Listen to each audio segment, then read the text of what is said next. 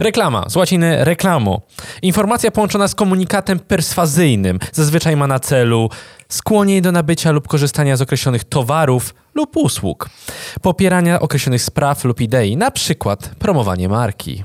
Kolega obok ma Big Brain. Wy też będziecie mieli Big Brain, jak będziecie słuchać podcastu Kopiuj w klej. Najlepsze ciekawostki z Wikipedii. Najbardziej żenujące żarty. Co tydzień, w środę o godzinie 17. Najlepszy program edukacyjny w tym kraju. Musicie tego posłuchać. Kopiuj Klej Podcast w środę o 17. Podcast w wolnej chwili. Przedstawiają Janek Kępa. I Krzysztof Krysiak.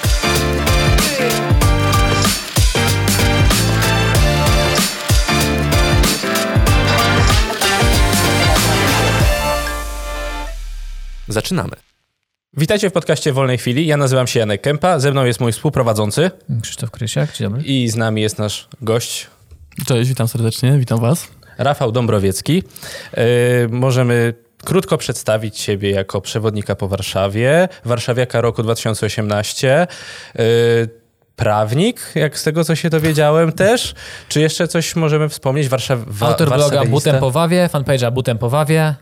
Tak, tak, tak. W zasadzie większość rzeczy została powiedziana. Są jeszcze pewne takie pola aktywności, e, o których pewnie sobie porozmawiamy, Mhm. ale jestem przewodnikiem, prowadzę e, fanpage Butem po Wawie i w ramach tego fanpage'u organizuję, organizowałem do tej pory, dopóki się nie zaczęła pandemia, epidemia, e, organizowałem spacery miejskie po Warszawie, czyli takie klasyczne wycieczki dla warszawiaków, ale nie tylko, też dla ludzi, którzy po prostu czegoś chcą się o Warszawie więcej dowiedzieć i, i to jest ten trzon mojej działalności. Jeśli chodzi o kwestie e, prawa, tak, jestem prawnikiem, natomiast nie praktykuję e, i tak naprawdę e, zupełnie odszedłem od tej, od tej działki. Także prawo jest, wykształcenie zdobyte, natomiast skupiłem się na działalności czysto przewodnickiej. Ale to jak, jak, jak to w ogóle się zaczęło, szczerze mówiąc? Bo to jest standardowe pytanie, podejrzewam, które ci zadają, ale no, na ogół ludzie myślą sobie prawnik, prawda? Aha. I dlaczego, dlaczego nagle odszedłeś z tamtego kierunku? Dlaczego zmieniłeś?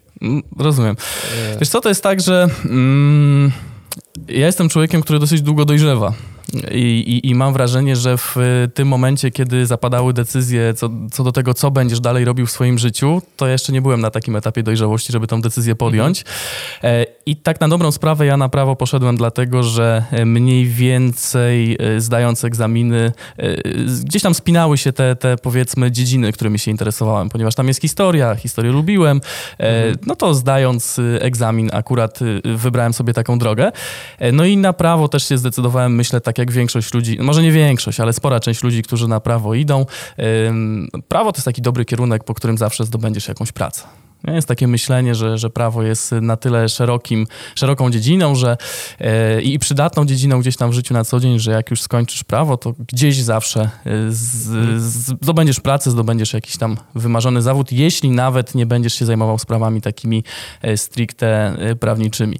Natomiast to, czym się zająłem później, no to jest już efekt tego, co się dalej działo w moim życiu.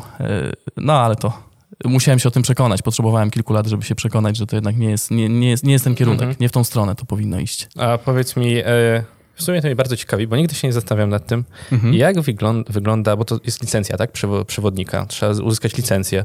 Czy to jest jakiegoś swojego rodzaju test, czy... To już mówię, jak wygląda sytuacja. Sytuacja wygląda tak, że nie potrzebujesz już zdawać egzaminu, Mhm. żeby zostać przewodnikiem, bo w 2013 roku odbywał się ostatni tak naprawdę egzamin. I trafiłeś na niego. I, i, I ja na niego trafiłem. Ja zdobyłem licencję. Ja zdobyłem licencję. To znaczy był jeden z ostatnich egzaminów. Była taka śmieszna historia, bo e, rzeczywiście przez lata było tak, że to był e, zawód w jakiś sposób tam e, zamknięty, tak? Była potrzebna licencja, żeby oprowadzać ludzi po mieście. W pewnym momencie ta sytuacja uległa zmianie. Zapadła taka decyzja polityczna, że, że jednak nie, że trzeba ten zawód otworzyć, że każdy może się zajmować przewodnictwem.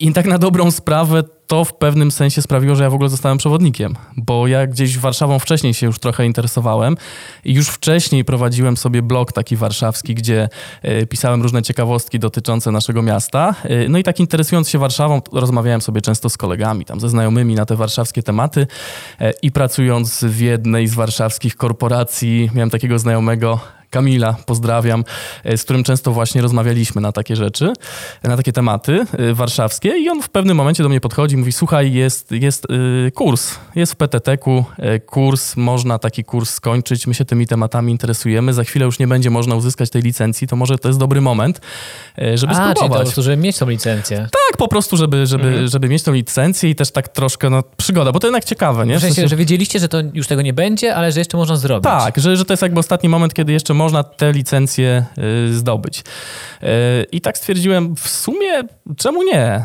Zobaczę jak to jest, pójdę sobie, ale w ogóle szedłem tam z takim zamysłem, że no gdzie przewodnik, w ogóle nie no daj spokój. Ja miałem jakieś takie skojarzenia, myślę większość ludzi ma takie skojarzenia e, gdzieś z, z, z okresu szkoły podstawowej, że przewodnik to taki jest starszy, nobliwy pan, który tam sobie coś sadzi o architekturze, e, straszliwie przynudza, nie wiem, może nie każdy ma takie doświadczenia, ale gdzieś, gdzieś... trochę tak. Każdy. Tak, No. no. właśnie. Coś takiego pokutuje. Ja z tym muszę ciągle walczyć na przykład. E, I, i, I ja w sumie też tak myślałem. Więc tak mówię, pójdę sobie na ten kurs, dlatego że no, interesuje mnie ta tematyka. Może coś fajnego mi powiedzą na tym kursie, ale przewodnikiem na pewno nie zostanę. Tak to wyglądało. Poszedłem na ten kurs i będąc na tym kursie okazało się, że już tam jednak sporo wiem. Prawda? Że to, że już wcześniej się tą Warszawą interesowałem, że to, że już prowadziłem em, tego bloga, to sprawiło, że już pewne informacje mam. One jeszcze nie były takie ugruntowane. Ale jakie tam podawali informacje? E, Typu, że idziemy na spacer i tu jest taki budynek, tu jest taki. Nie, chyba nie. Nie, słuchaj, no to było w ogóle, wiesz, jakby cały ten proces przygotowywania do bycia przewodnikiem e, był podzielony na takie dwie zasadnicze e, e, kwestie, czyli to, była, to były wykłady i to były wykłady z różnych dziedzin, więc wiesz, na przykład przychodził człowiek i mówił ci o geologii, e, wiesz, jak Warszawa jest zbudowana tam na dole. E, Były, była e, na przykład przekrojowo historia pokazana Warszawy, tak, architektura Warszawy i tak dalej, i tak dalej, więc to wyglądało troszkę tak, jakby się siedziało na studiach. Odbywały się te zajęcia w weekendy, byli wykładowcy, którzy to prowadzili, a poza tym była część praktyczna, gdzie się jeździło po mieście i rzeczywiście tam już była taka, można powiedzieć, czysto przewodnicka robota, czyli wychodziliśmy na miasto, e, człowiek nam te rzeczy pokazywał i przy okazji nas trochę uczył, jak to powinno wyglądać, jak powinna wyglądać metodyka pracy przewodnika, czyli to, czego ja nie robię, bo ja potem to wszystko zanegowałem i zrobiłem to po swojemu. To, długo to trwało? Długi ten Pół ten roku. Pół roku był. Pół roku i tak naprawdę mm, te pół roku e, to wcale nie jest dużo. To, to tak naprawdę jest bardzo mało. E, No wystarczy, żeby tam sobie pewne rzeczy w głowie ułożyć, ale tak naprawdę, no, będąc przewodnikiem, y, uczysz się już cały czas, do końca, całe życie. To, to ten kurs przewodnicki to jest dopiero początek y, zabawy, bo to jest ogromna dziedzina wiedzy. Tak to wygląda w praktyce. Już rozumiem, czemu bo bardzo często podkreślasz, że jesteś licencjowanym przewodnikiem. Jest na stronie, gdzie jest napisane. już rozumiem czemu, bo teraz, jest, bo teraz jest ich jak psów, bo nie trzeba być, każdy może chodzić. Więc to coś, co wyróżnia mocno Tak, człowieka. to no gdzieś w tym naszym środowisku ludzi, którzy mają licencję, mm, mm, jednak y, lubimy poinformować, że tą licencję mamy, że jednak zdaliśmy ten egzamin, że dostaliśmy uprawnienia państwowe, no bo mimo wszystko jest to jakaś weryfikacja, prawda? To jest sprawdzenie jakichś podstaw przynajmniej wiedzy. Natomiast ja też nie jestem jakoś wybitnie do tego przywiązany, bo ja uważam, że i tak zawsze to wszystko weryfikuje rynek. I, i to nie jest tak, że jak ten zawód się otworzył, to teraz osoba, która nie ma licencji, to już będzie zły przewodnik. To też nie chcę mówić w ten sposób, No tak. bo bo na pewno są ludzie, którzy licencję mają, a ciężko powiedzieć o nich, że są dobrymi przewodnikami, prawda? To, to, to na bycie dobrym, tak zwanym dobrym przewodnikiem się składa wiele rzeczy i to, i to jest nie tylko wiedza, chociaż ona jest, no jest ważna, tak? Jest ważna, ale w moim odczuciu ona nie jest najważniejsza. E, Dużo ważniejszy jest sposób przekazywania tej wiedzy, e, też jakaś taka energia, prawda? Bo są tacy przewodnicy, którzy prowadzą grupy i tworzą gdzieś tam na starcie taką ścianę od razu. Jakby stawiają się w pozycji wykładowcy i ludzi, którzy mają go słuchać, tak? Takiego przewodnika. I to średnio mi się wydaje, się sprawdza.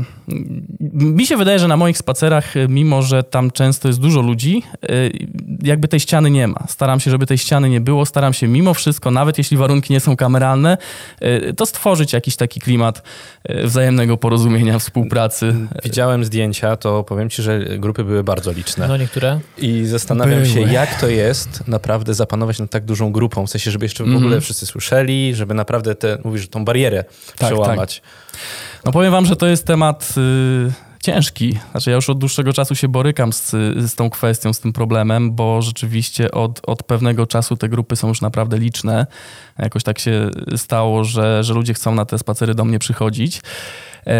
Mam nawet ostatnio takie sygnały od niektórych, że no to już nie jest takie fajne. No już, już jednak A, to, że dużo trochę. Że za dużo. To, znaczy, ludzie się dzielą na takie dwie kategorie. Ktoś powie ci, że z- 20 osób to już jest duża grupa i ja nie chcę uczestniczyć w spacerze, który jest większy niż 20 osób. A są tacy, którzy na przykład się świetnie czują właśnie wtedy. Jak jest 200 osób na mieście, to oni czują taką energię, jakby sobie na koncert poszli. Trochę tak to działa, mam wrażenie. To, to gdzieś pewnie głęboko y, jest w psychologii danego człowieka zapisane. Natomiast, no tak, jest troszkę ciężko i, i teraz ta cała sytuacja z tą epidemią, z koronawirusem e, sprawiła, że tak troszkę myślę, zastanawiam się, nie wiem, czy nie zacznę po prostu robić jakichś jednak tych grup y, limitowanych, czy jednak nie pójdę w takim kierunku, że to będą zamknięte, określone e, limity osób, żeby dać e, taki komfort jednak tym ludziom. Znaczy, ja uważam, że 50 osób spokojnie. Jesteśmy w stanie spokojnie nad taką grupką 50 osób zapanować. No, jestem w stanie zapanować też nad y, większą ilością, 200 czy 300 osób, no bo panowałem. Jakoś te spacery się udawały, ludziom się te spacery podobały, no ale jednak chodzi też o komfort. E, To jest tak, że mm, ja się nagłaśniam, tak, bo jakby no nie ma szans, żebym 200 osób poprowadził przez miasto, mówiąc tak bezpośrednio, zwłaszcza, że ja też nie mam jakiegoś wybitnie mocnego głosu, e, więc się nagłaśniam, no ale wiadomo, że z każdą kolejną osobą ten komfort y, słuchania jest słabszy. Wiadomo, że jak się ustawimy na jakiejś ruchliwej ulicy, to nie zawsze każde słowo będzie wyłapane, także już powoli myślę o tym, żeby jednak te spacery troszeczkę y, limitować. Jak robią silent disco, że ludzie mają słuchawki Właśnie. Mhm. i ty byś tylko mówił, by słyszeli cię na słuchawkach. Tak, to jest fajna sprawa, tylko tak, 200 osób, 200 par Ile było wypadków z samochodami. Tak, tak, słucham, słucham. Ale jakby super wyglądała cała grupa wtedy. No na tych pewno, słuchawkach. to na pewno. Zawsze pamiętam moje pierwsze wrażenie, jak zobaczyłem Silent Disco, to nie mogłem uwierzyć, co to jest w ogóle. Słyszałem tylko o tym gdzieś na YouTubie może obejrzałem, albo gdzieś mówili w jakichś wiadomościach i, i zobaczyłem to To robią cool dzieciaki. Tak, to ja nigdy nie robiłem. Jeszcze nie miałem Tak, nigdy będzie- e, okazji nawet tańczyć na Silent Disco. Mamy tutaj cztery sławki, można podłączyć. Z- Takie zobaczę- mini nasze. Rzadko mam okazję w ogóle tańczyć, więc, więc tym bardziej w takim wydaniu. E, Mówiłeś, że uwielbiasz e, rozwiązywać tajemnice, że każdy, nawet pozwoliłem sobie zapisać Mm, ten mm. cytat ze, ze, ze twojej strony. E, Okazało się, że niemal każdy ocalały z pożogi wojenny mur, słup czy fragment bruku jest w stanie opowiedzieć zajmującą historię, skrywa w sobie zagadkę, której rozwiązanie jest źródłem ogromnej satysfakcji. Tak śmieję, śmieję się troszkę, bo to wiesz, w 2013 roku pisałem, to też troszkę inny stan umysłu był. Ale no okej, okej. Znaczy, Nie, dlaczego? zgadzam się, Wydaje podpisuję się pod tym. Wydaje tak, mi się, że to jest y, jak najbardziej prawda i w ogóle artykuły, które były, tylko że Mhm. o, czytałem te artykuły w ostatnim chyba 2014 roku, No, tak, ale tak, naprawdę tak. były ciekawe i szczególnie... Blok siadł, blok siadł, to, to prawda. Szczególnie ta warszawska e, fabryka zabawek i jej nazwa. Gnom, tak? Gnom, no tak. cudowne, ja się Tak, tak, tak się śmiałem z tego. I bardzo mnie zastanawia, y, jaka była twoja pierwsza tajemnica, albo od jakiej tajemnicy się zaczęło? Możemy tak to nazwać? No i to, jest, to, jest, to, jest, to są tak zwane trudne pytania.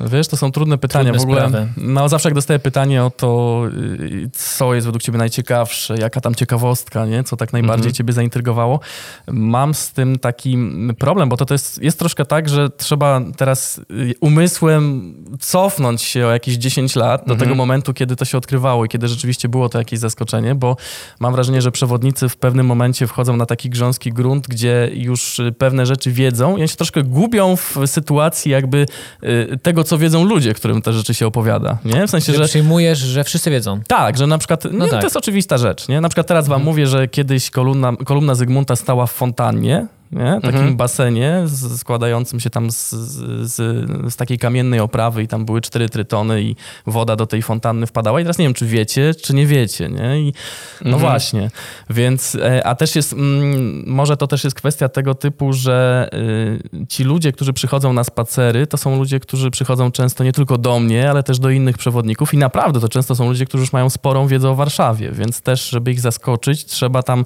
e, czasami sięgnąć e, głębiej. Ale no tak, no, generalnie jest tak, że Warszawa cały czas zaskakuje, tak? I Mhm. cały czas jak gdzieś e, starasz się tą wiedzę pogłębiać, to co chwilę trafiasz na jakieś fajne, ciekawe e, wątki. Ciężko tak z głowy od razu e, wyciągnąć coś takiego, ale ja na przykład chyba najbardziej zapamiętałem takie swoje prywatne odkrycie, bo to jest zawsze najfajniejsze, jak coś tak samemu odkryjesz i to jeszcze w plenerze, to, to, to, to robi wrażenie. Potem się okazuje, że to nie jest żadne odkrycie, tak? Bo zaczynasz dłubać i już 10 tysięcy osób o tym pisało wcześniej, ale jakby sam ten moment, kiedy to odkrywasz jest bardzo fajny e, i dla mnie takim odkryciem mm, była, i to też często na spacerach o tym mówię, jak jesteśmy na Starym Mieście w Warszawie. Na Starym Mieście taką uliczką odchodzącą od y, rynku Starego Miasta jest ulica Celna mhm. i ona prowadzi w kierunku tak zwanej Gnojnej Góry. To mhm. jest dzisiaj taki taras widokowy, a kiedyś pierwsze wysypisko śmieci w Warszawie, tam gdzie te wszystkie smrody i syfy były kiedyś w Starej Warszawie wyrzucane. I jak się schodzi tą uliczką celną w dół w kierunku tej gnojnej góry, to po lewej stronie w kamienicy, tak na poziomie gruntu mniej więcej jest takie okratowane okienko.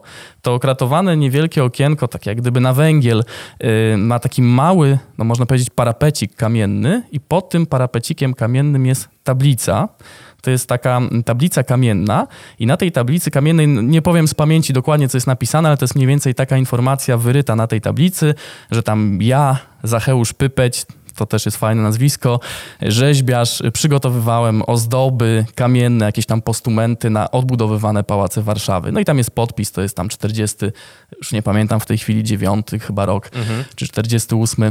E, czy jest to pamiątka z okresu odbudowy Warszawy? Zacheusz Pypeć, czyli rzeźbiarz, który przygotowywał sobie tam różne rzeczy, różne elementy zdobień na budynki warszawskie, no chciał się dać zapamiętać, więc wziął tabliczkę, sam sobie po prostu wypisał taki... Po cichu przykleił?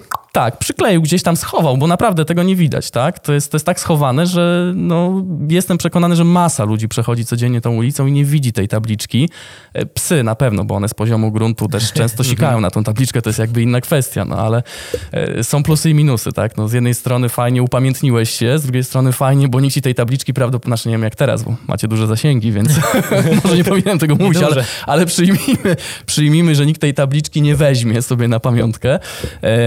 No tylko takie ryzyko, że nam, prawda, tu leży wieszcz, przechodniu nieszcz, prawda, jak mówi klasyk. No super no. ciekawostka, naprawdę. Nawet to jest fajna rzecz, to na mnie zrobiło tak, naprawdę duże wrażenie. To na mnie zrobiło duże wrażenie, no bo wiecie, to jest namacalna historia, mhm. nie? Z pamiątka z okresu odbudowy. To oczywiście, no Warszawa to też nie jest takie miasto jak Rzym, że na każdym kroku masz zabytek, który ma tam kilkaset lat, e, ale no u nas nawet taki tam 60-letnia pamiątka to, to już wrażenie robi, czy tam 70 mhm. lat. Które części Warszawy w ogóle przetrwały wojnę? Są mhm. jakieś takie Niedużo jest budynków, które mają więcej niż 100 lat u nas, tak naprawdę. No tak, no bo Warszawa to jest takie miasto, które mocno oberwało e, w czasie wojny. To jest jakby tu...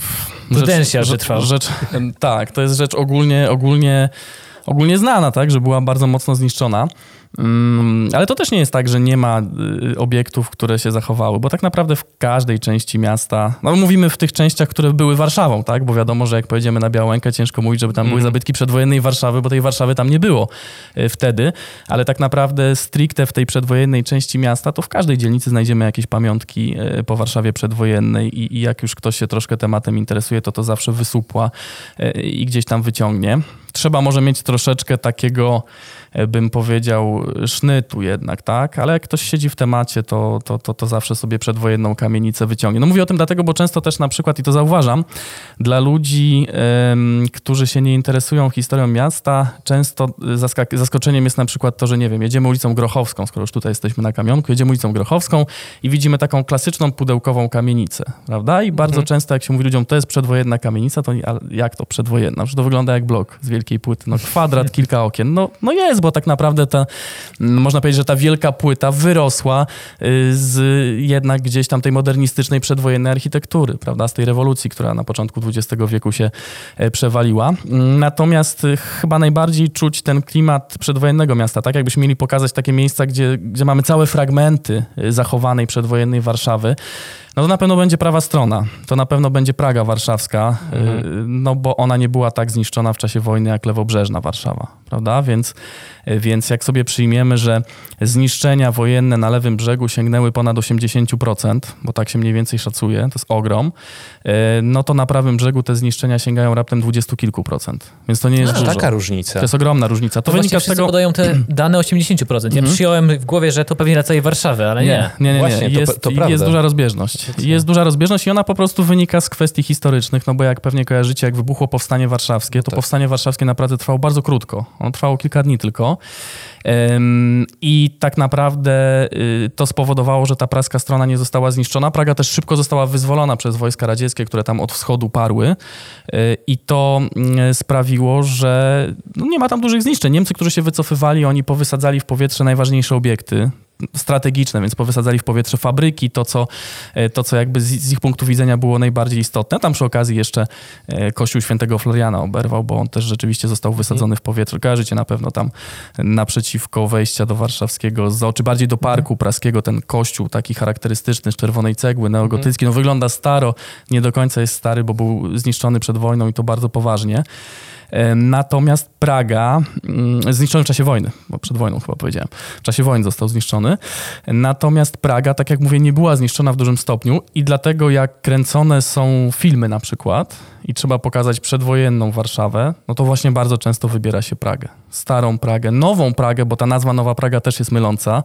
E, To też z tym się spotkałem. Często warszawiacy, jak słyszą hasło Nowa Praga, to mają takie jedno skojarzenie Plac Hallera. I tam jest takie osiedle powojenne, które troszkę przypomina marszałkowską dzielnicę mieszkaniową. Troszkę przypomina y, Plac Konstytucji. To jest nawet nazywane taką praską, praskim MDM-em, prawda? E, To jako ciekawostkę mogę wam tylko dodać, że ten skrót MDM, czyli Marszałkowska Dzielnica Mieszkaniowa, on był przez warszawiaków rozwijany jako może dostanę mieszkanie, bo to jakby nie była pewna rzecz. No w każdym razie mm, takie jest pierwsze skojarzenie, natomiast Nowa Praga nie jest powojenną dzielnicą. Nowa Praga jest dosyć starym fragmentem miasta i tam są kamienice pamiętające przełom XIX i XX stulecia, co jak na Warszawę jest całkiem niezłym wynikiem. E, I na pewno kojarzycie film y, Pianista Romana Polańskiego, no to on w dużej mierze kręcony był właśnie na Nowej Pradze, czyli ulica Stalowa, Szwedzka, Środkowa, tamte rejony, Mała. E, To są takie zachowane fragmenty miasta. No właśnie, mówicie o tych takich, wcześniej mówiliśmy o tych takich zaskoczeniach, odkryciach. To ja muszę wam powiedzieć, że, bo to też nie jest tak, że ja się urodziłem ze, ze znajomością miasta, tak, że, że jak gdyby wyszedłem sobie na te ulice warszawskie i bum, tak, to wszystko przyszło, tylko tą wiedzę się jakoś tam zbiera, ale ja też stosunkowo późno zacząłem się interesować historią miasta. Em, Czyli to nie było czasów e, szkoły nie, na nie, nie, przykład. nie. e, Ja znam takich ludzi, którzy wiesz, już tam y, po, pocztówki Starej Warszawy przeglądali tam mając 10 lat. To nie, absolutnie nie. Ja, ja, ja w ogóle nie należę do takich ludzi. A tak szczerze, na historii byłeś, e, z historii byłeś dobry, czy nie? E, czy z historii byłem dobry? Nie, nie, nie, nie, ja nie byłem orłem, jeśli chodzi. Ja w ogóle, wiesz, mam taki problem, że jestem dosyć leniwy nie? i niekonsekwentny. Także niestety nie miałem jakichś rewelacyjnych wyników, jeśli chodzi o historię. Zawsze mnie to interesowało. Ja ten problem mam do dzisiaj. To znaczy, e, to, co interesuje historyka, no to są rzeczy bardzo ważne i istotne. Ja zawsze sobie szukałem jakichś takich bocznych tematów i ja troszkę z przewodnictwem też mam, tak, że ja ciągle w jakieś dygresje wchodzę. Wiesz, ciągle odchodzę z tego, z tego klasycznego nurtu, bo zawsze mnie coś innego, dziwnego zainteresuje i to tak w zasadzie em, wygląda, mm, wygląda do dzisiaj. Straciłem wątek. Mówiliśmy o tych... e, O, tych, O ty- szwedzką, że tak, wychodziłeś tak, na, że- na ulicę. Dokładnie. Tak. I, I tam, y, i to było takie odkrycie też, też dla mnie, bo ja jestem jednak chłopak z lewego brzegu. Ludzie w ogóle mnie kojarzą z Pragą, bo ja, można powiedzieć, zacząłem tą swoją karierę, w cudzysłowie, przewodnicką od, od prawego brzegu. Bardzo dużo prawego brzegu pokazywałem, ale to też się wzięło stąd, że ja ten prawy brzeg właśnie zacząłem poznawać, bo wiesz, chłopak z Mokotowa, Mhm. który tam potem w różnych częściach Warszawy też mieszkał, bo tam często zmieniałem te miejscówki e, i, i nigdy nie miałem kontaktu z prawym brzegiem. I nagle jak pojechałem na tą Pragę, zobaczyłem jak ona wygląda, no to taki szok poznawczy przeżyłem. Ona wygląda niesamowicie egzotycznie, a jednocześnie jest właśnie taką prawdziwą, starą, przedwojenną Warszawą. To Nie jest jest, zauważalne. Tak. jest to zauważalne, tak, więc, więc to, to, to jest jedno z tych odkryć. Na przykład ulica Stalowa jest, jest przepiękna, uwielbiam w ogóle ulicę Stalową, ona jest akacjowcami porośnięta, środkiem sobie jeżdżą tramwaje, jest taka pierzejowa, stara przedwojenna zabudowa, jest dość szeroką też ulicą, jak na przedwojenne War- y, ulice Warszawy Y, i, i to mm, do dzisiaj robi wrażenie, dlatego ci filmowcy tak często sięgają po tą Stalową. No Stalowa to zawsze marszałkowska, to już od, od lat, jak się, trzeba coś nakręcić i taki klimat marszałkowskiej przedwojennej, to się wybiera Stalową. Trzeba się pobawić troszeczkę z efektami CGI, bo jednak to była biedniejsza część miasta niż, niż ścisłe śródmieście, ale, ale chodzi też o szerokość, o, to, że jest możliwość właśnie, że, że puścimy sobie środkiem tramwaj i tak dalej, i tak dalej. No i właśnie pierzejowa zabudowa, czyli dom, do, podoklejany do domu, bo to jest coś, co w tej dawnej, takiej XIX-wiecznej jeszcze Warszawie było normą. E, e, Na stronie, ponieważ jesteś też współza- współ- współzałożycielem e, To jest e, WPT 1313, tak? To, czyli, czy, czy o, to się Rafał wkurzy. to się Rafał wkurzy. Nie, znaczy współwłaścicielem WPT 1313 nie, nie ojcem, ojcem pomysłu. Ale, ale, tak? ale jestem współtwórcą pomysłu, który nazywa się i współtwórcą i, i, i, prowadzącym. I no, no, nie, no, można powiedzieć takim trochę ojcem wspólnie też z innymi, ale, ale tak, człowiekiem, który jest odpowiedzialny za taki projekt Ogórkiem po Warszawie. Mhm. Bo WPT to jest firma założona przez Rafała Pawełka i on sobie wcześniej gdzieś tam działał na, na, na tym polu turystycznym. Co ciekawe, zaczynał w podobnym okresie, kiedy ja, tylko na dużo większą skalę, mm -hmm. no bo to jednak samochody zabytkowe, Fiaty, Maluchy, Ogórki właśnie, te zabytkowe autobusy Jelcze. E, I, I, to w ogóle też w ciekawych okolicznościach ten pomysł się pojawił, bo mm, to było tak, że potrzebny był przewodnik do poprowadzenia wycieczki w Ogórku po Pradze, ktoś mnie znał, ktoś mnie polecił, jeden polecił drugiego, no i tak jakoś pocztą pantoflową e, wylądowałem w tym ogórku. To, była, to był taki przejazd realizowany dla miasta, mm, dla Centrum Wspierania Rodzin. E, I Rafał był właśnie właścicielem tego ogórka. On mhm. tak naprawdę był jakby podwykonawcą. On, on, on, można powiedzieć, w przypadku tego projektu tego ogórka dawał, czy użyczał. E, jak posłuchał, jak gadam, to stwierdził, że to fajnie wygląda i, i po iluś takich przejazdach, to były przejazdy wakacyjne, też no, dosyć ciężki temat. Robiliśmy trzy wycieczki w sobotę, trzy wycieczki w niedzielę przez całe wakacje. -hmm. trochę to trwało.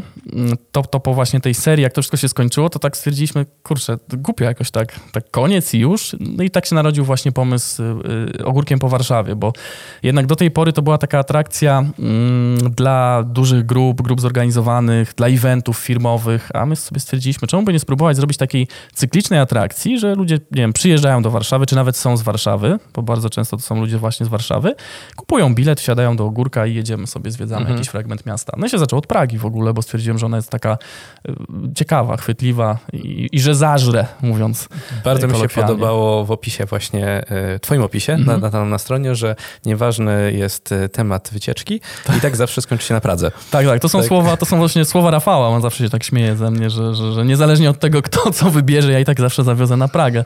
Coś w tym jest, lubię bardzo Pragę. Praga, mm, Praga ma taką wartość dodaną już na starcie, bo ona świetnie wygląda.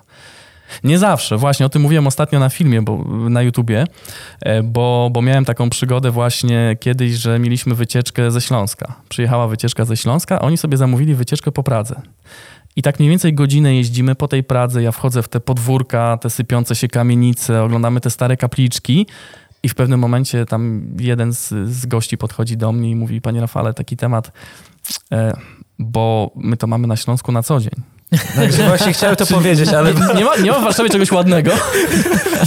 w ogóle to, to no, totalnie nie zbiło z tropu. Mówię, ale dlaczego w ogóle wybraliście wycieczkę po Pradze? No nie, jakoś taki fajny opis, wydawało mi się, że będzie ok. No i pojechaliśmy do Łazienek Królewskich, byli zachwyceni. Mm. Łazienki Królewskie, Stare Miasto, no to tam powinniśmy być akurat, jeśli chodzi. Także ważna rzecz, warto przed przyjazdem gościa zastanowić się, czego on tak naprawdę chce. Być może potwierdzić to nawet, czego on tak naprawdę chce, bo, bo oni nie zawsze wiedzą. A nie masz co, raczej pewnie tak już teraz nie masz, bo Praga dla wszystkich jest taka dziwna. Nawet jak poszliśmy raz na browara na Pragę, to było takie... Aha. Gdzie idziemy na Pragę? E, A gdzie byliście? Jeśli mogę spytać. E, to było okolice Dworca Wiedeńskiego. Centrum Zarządzania Wszechświatem. Aha, aha. A, kojarzę, tak. Jest, Przy no. Jagiellońskiej, tak, tak, tak, tak. tak. I Jagiellońska, ja, w ogóle nawet w ciągu dnia, jak się wjeżdża na Pragę, to dla mnie jest... Praga Północ dalej jest trochę innym takim miejscem. Ludzie się zmieniają tak. i wszystko się zmienia. Jest, jest. jest nie masz jest, takiego? Jest, to prawda. W ogóle jest masz wycieczki, takiego. to ludzie nie przyczepiają się do wycieczek. no oczywiście, że tak. No, wiesz, tam jest pewien, e, chodzi, pewien tak? folklor, nie? Tam jest pewien folklor. Y, życie na Pradze zupełnie inaczej wygląda. Ja właśnie zawsze porównując y, tą lewobrzeżną Warszawę z tą prawobrzeżną, y, zawsze to widzę mniej więcej w ten sposób, że no wiesz, jak to wygląda na lewym brzegu. Na lewym brzegu jest szarpanina, bieganina, wszyscy pędzą, wszyscy się gdzieś spieszą. Jak na schodach ruchomych staniesz po nieodpowiedniej stronie w godzinach szczytu, to cię zabiją i Oj, zgniotą. Tak. I, znaczy, Oj, teraz tak. nie, ale, ale tak do, do, tej pory było. Natomiast przyjeżdżasz na Pragę i tam w ogóle tam nikt nie biegnie, tam wszyscy dumnie sobie spacerują, kroczą, wiesz, nigdzie się nie spieszą. Jest troszkę jednak inaczej, mam wrażenie. No bo to nie jest jednak takie zagłębie, gdzie jest nieskończona ilość biurowców i, i się pędzi za pieniądzem. Trochę inaczej to wygląda. I no jest taki specyficzny folklor, tak? To, to też się zmienia. Praga się mocno zmienia. W ogóle ja widzę to nawet nawet jak zaczynałem spacery po Warszawie i ten pierwszy robiłem w 2014 roku, to zobaczcie, że to jest 6 lat tak naprawdę i po, w ciągu tych 6 lat też Praga się bardzo mocno zmieniła. W ogóle Warszawa się niesamowicie Tam dużo deweloperów z e, mieszkaniami wchodzi. Wchodzą, wchodzą, wchodzą z mieszkaniami, coraz więcej powstaje y, osiedli, niektóre naprawdę bardzo, bardzo ciekawie wyglądają. No chociażby Port Praski. To, to, jest, to jest taka Tak. inwestycja no, ciekawa i w ogóle taka wydaje mi się całkiem udane jak na warunki warszawskie. W sensie te budynki y, są dość ciekawe, każdy zupełnie inaczej wygląda. No, w ciemnych kolorach jest dobrze Fort, Praski taki, prawda? On się tak ładnie komponuje Mhm. On jest taki tym. ceglany, taki właśnie w, do, w dobrym kierunku mi się No, wydaje to idzie, bo... w tej okolicy. Mhm, bo, bo jednak no, Praga to jest taka dzielnica o korzeniach in- takich właśnie y, przemysłowych, więc ta cegła ona zawsze się tam sprawdzi. Poza tym te, no kojarzymy te odrapane kamienice z, z, z tymi elewacjami y, podniszczonymi, to, to też jakoś tam współgra. Ta surowość na Pradze się sprawdza, to, to na pewno. Y, To na pewno, to na pewno tak. No jest różnica. Jest różnica między lewym brzegiem, jest różnica między prawym brzegiem, a pytaliście o te takie różne sytuacje właśnie związane z folklorem, fol- folklorem praskim. No One się zdarzają oczywiście. Co ciekawe, nigdy Nigdy nie miałem jakiejś dramatycznej sytuacji, która wydarzyłaby się na Pradze. Jakoś tak na Pradze zawsze pewne trudne tak zwane chwile udaje mi się gdzieś tam zamienić w żart i jest wszystko w porządku.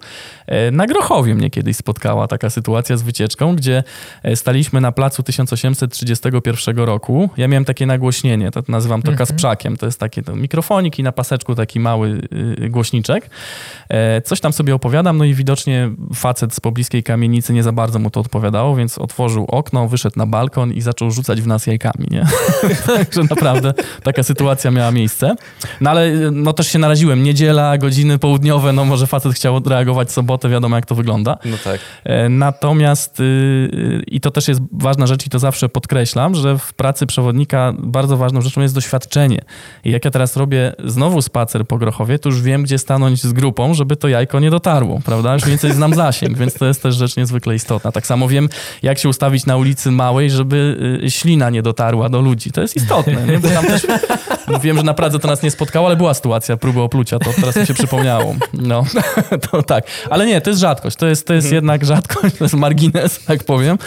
E, W większości przypadków naprawdę nie jest tak źle. I też na pewno nie chciałbym tak y, w ogóle surowo oceniać, nie? że Praga to jest ta gorsza część miasta, bo naprawdę są fantastyczni ludzie. Ja sam znam całą masę rewelacyjnych ludzi, którzy mają y, świetne pomysły, którzy y, są naprawdę dobrymi, dobrymi ludźmi. Jest, jest tam sporo też mm, takiej jeszcze sąsiedzkiej więzi. Mam takie wrażenie, że y, gdzieś w tych starych kamienicach y, coraz rzadziej, ale jest tak często, że ludzie się znają od lat y, i wiesz, tam się czujesz, oni się czują bezpiecznie no, między sobą chociażby, więc to, więc to na pewno, mm, na pewno działa. Natomiast tak, no, elementy folkloru są. Robiłem spacer po Szmulowiźnie. Szmulki to jest, to jest taka niesłychanie ciekawa dzielnica Warszawy Mhm. W latach 90. to takie było miejsce przerażające, że gdzie, gdzie naprawdę nikt nie przyjeżdżał. E, No i na Szmulkach kiedyś miałem taką też fajną sytuację, właśnie spacer miejski, idziemy sobie ulicą Kawęczyńską. Na Szmulowiźnie jest taki, też zawsze pokazuje to miejsce, taki śmieszny placyk, y, który się nazywa bardzo szumnie to jest tak naprawdę taki wybeto, wybetonowany, y, y, można powiedzieć, skwerek. Tam kompletnie nic nie ma, dosyć spora przestrzeń, ale wybetonowane jakieś takie elementy tak zwanej małej architektury, a nie wygląda to generalnie dobrze. A ten fragment miasta ma swoją nazwę i nazywa się Aleja Tysiąclecia. Więc brzmi bardzo spektakularnie. I stoisz przy tabliczce Aleja Tysiąclecia i widzisz wybetonowany skwerek, gdzie ludzie wychodzą z psami i te psy tam coś po sobie zostawiają. Nie? E, ciekawa sprawa, bo tam miała kiedyś powstać obwodnica warszawskiej Pragi.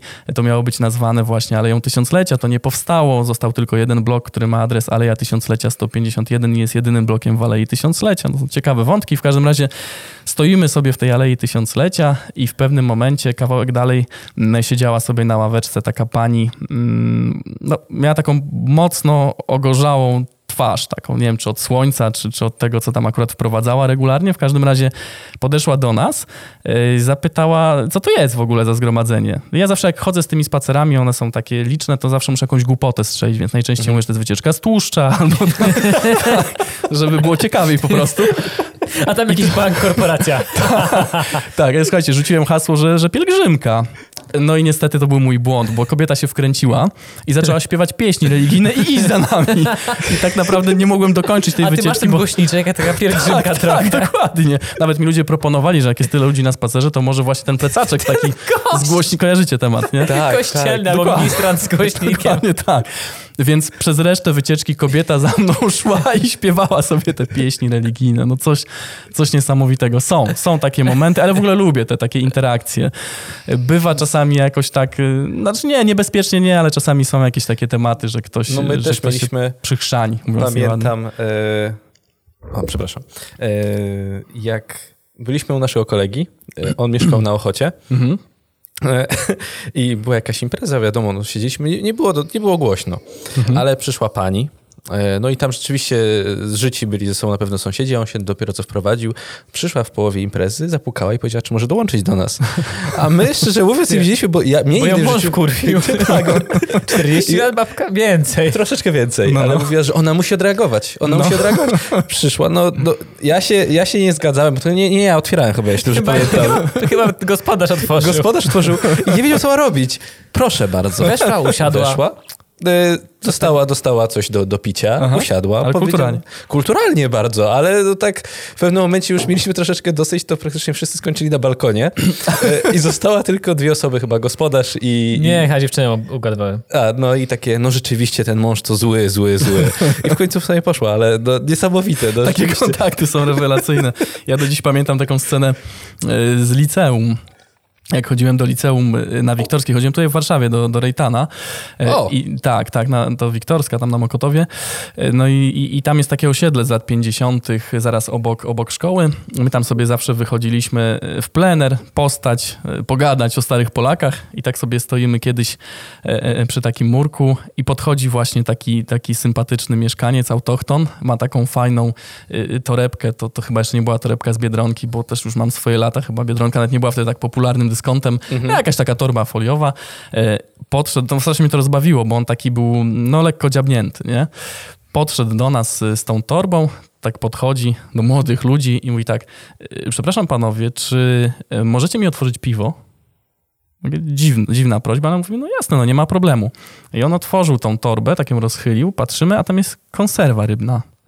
No i mówimy, ale to jest konserwa rybna. A, to przepraszam. I poszedł. Takie rzeczy tylko w Warszawie. No. A jak ktoś nie jest z Warszawy, to żeby nie było tak, że jest, że jest lewa strona i prawa strona to jest cała Praga, bo jest też Praga Północ, Praga Południe. Właśnie ja mieszkam na Saskiej Kępie. masz- masz- masz no właśnie, tu ściągę. jest Wawer i Aha, wiedziałem, kiedyś, żeby- wiedziałem, żeby kiedyś zrobić. sprzedawałem aparat Dobrze, dobrze. i podaję człowiekowi adres. No, no. No niby Saska Kępa, wszystko w porządku. I on dzwoni jednak, czy możemy się spotkać w centrum, bo on by wolał z pieniędzmi na Pragę nie jechać. A ja tak siedzę, tak A Jezu. myślę sobie, no dobra, niech będzie. No nie, nie, nie, to w ogóle... Tu akurat to ja już musiałbym zacząć moją klasyczną y, gadkę przewodnicką, bo ja w ogóle nie jestem za podziałem prawej strony miasta na Pragę Północ i Pragę Południe, bo to jest mocno taki sztuczny podział, który się tak naprawdę pojawił po wojnie, bo na prawym brzegu, no zresztą wystarczy nawet spojrzeć, prawda? Tak, tak gołym okiem, jak sobie jesteście na Saskiej Kępie, no Saska Kępa, inteligencka, y, jakieś tam przedwojenne y, wille projektowane często przez wybitnych architektów, ulica Katowicka, genialna w ogóle na, na Saskiej Kępie z, z wysokiej e, architekturą.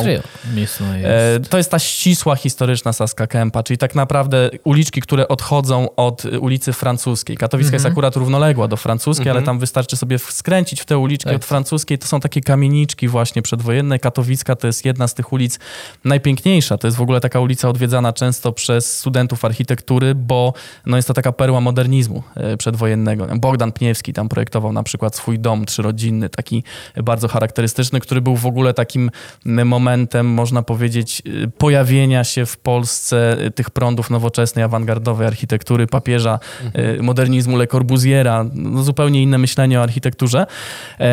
Tak wygląda mm, generalnie Saska Kępa. No jak sobie porównamy Saską Kępę na przykład chociażby z tą Nową Pragą, tam Stalową, Środkową, czy z Brzeską, prawda, czy z rejonem Bazaru Różyckiego, to są zupełnie inne światy. Tak. Tak samo mimo wszystko, no Grochów może mniej to czuć, ale Grochów też inaczej inaczej wygląda niż ta stara historyczna Praga. E, I to jest generalnie tak, że... Można powiedzieć, że trochę to jest wypośrodkowane między francuską a... Prawda? To jest tak mhm. francuska... Nie no, rzeczywiście francuska jest nie, nie chcę powiedzieć za ładna, ale mhm. y, są tam wille.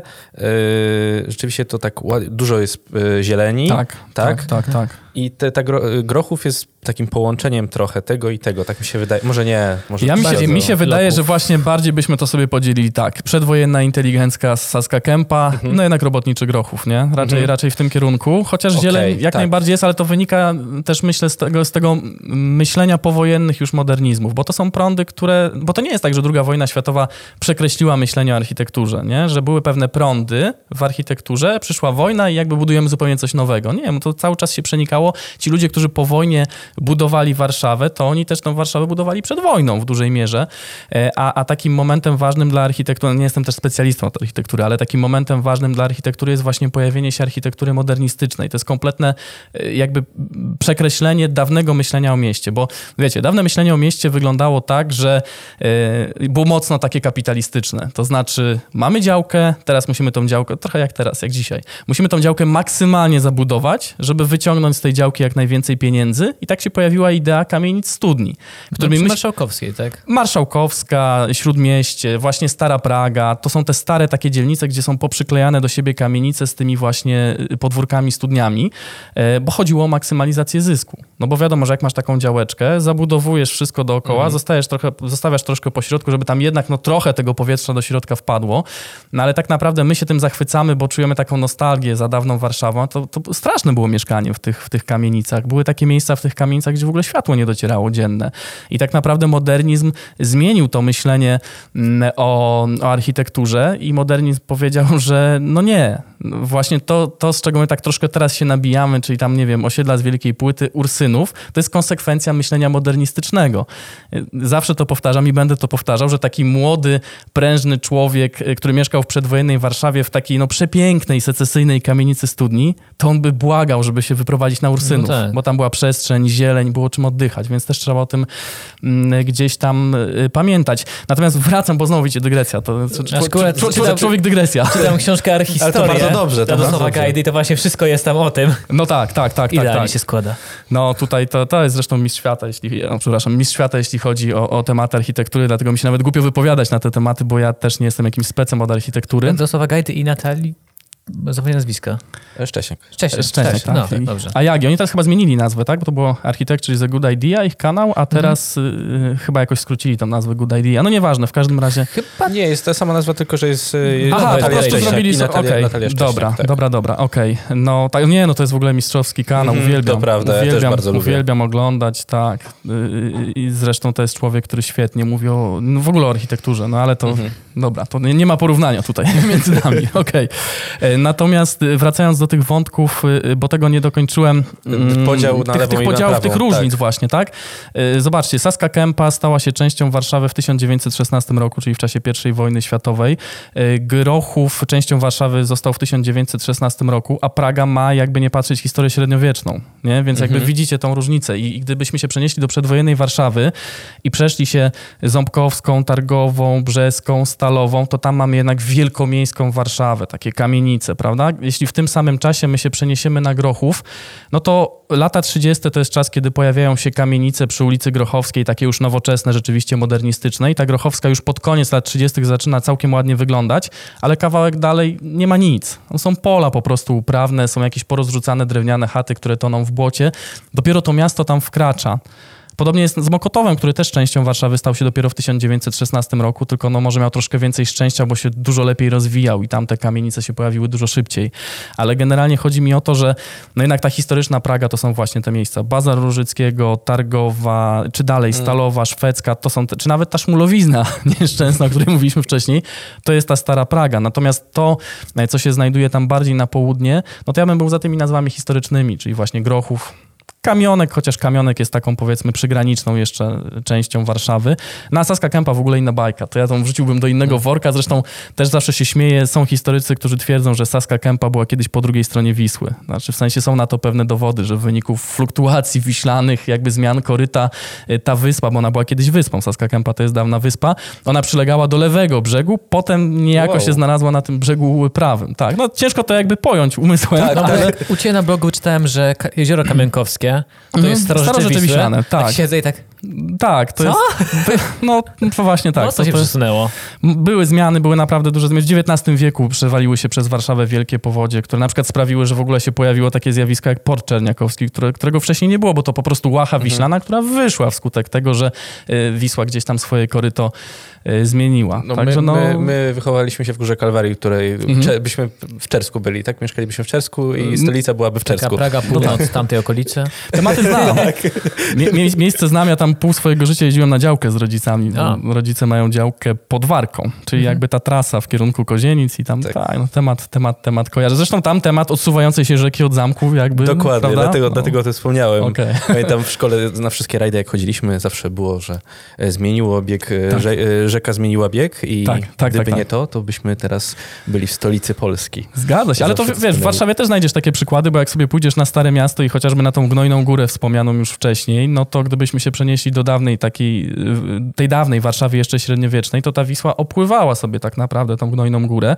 Zresztą nie trzeba szukać tego przykładu daleko, bo na Starym Mieście jest ulica Mostowa. Nazwa się nie wzięła znikąd, bo tam hmm. kiedyś był most Zygmunta Augusta, który powstał w XVI wieku i tam jest taki czerwony budyneczek, to jest baszta mostowa. I ona teraz sobie stoi normalnie na stałym lądzie, ale kiedyś stała przy samym brzegu Wiślanym, więc jakby jest namacalną pamiątką, że ta Wisła kiedyś tam niedaleko sobie płynęła.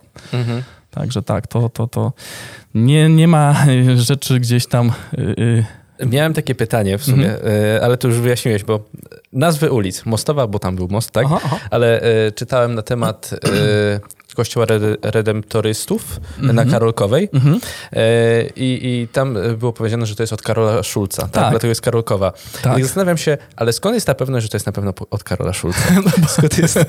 W sensie, bo może to był inny Karol. I zawsze zastanawiam się, mm -hmm. że to jest moje takie, e, może dzieci, Rozumiem. jak dzieciak myślę, Rozumiem. ale rzeczywiście to jest tak, ale skąd jest ta pewność? Właśnie, jest wiedzy, skąd Nie, no facet był, wiesz, właścicielem tych terenów, nie? Tak jak mhm. rodzina Biernackich, która na Woli była właścicielem dużej części terenów i jakby jest to udokumentowane udokumentowane gdzieś tam w, w mhm. aktach dotyczących okay, poszczególnych dobra, nieruchomości. Czyli, Także czyli nie, no to jest tak, udokumentowane, tak, tak. aczkolwiek wiesz, no pytanie może jest na miejscu. Na, na Pradze jest na przykład ulica Stefana Okrzei. Nie? I mm -hmm. Stefan Okrzyja to jest taki wielki bohater narodowy, e, e, chłopak, który był w PPS-ie, w tym samym PPS-ie, w którym był Piłsudski, chłopak, który walczył o naszą ojczyznę, chłopak, który cisnął bombę na ulicy Wileńskiej w cyrku policji i tym zasłynął, bo tam chcieli wykończyć Karla Nolkena, takiego oberpolicmajstra rosyjskiego.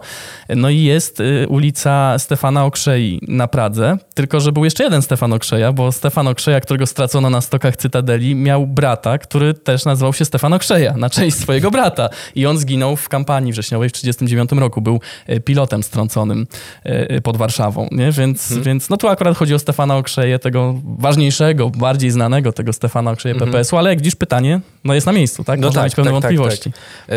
W sumie miałem tak a propos szukania źródeł i wyjaśnienia tajemnic, to w sumie to już mówiliśmy jakiś czas temu, ale bardzo mnie zastanawia, albo to znaczy, no bardzo nie zastanawia, ale jeśli ktoś z naszych słuchaczy jest takim, e, powiedzmy, początkującym mhm. poszukiwaczem tajemnic e, to niech w tej historii.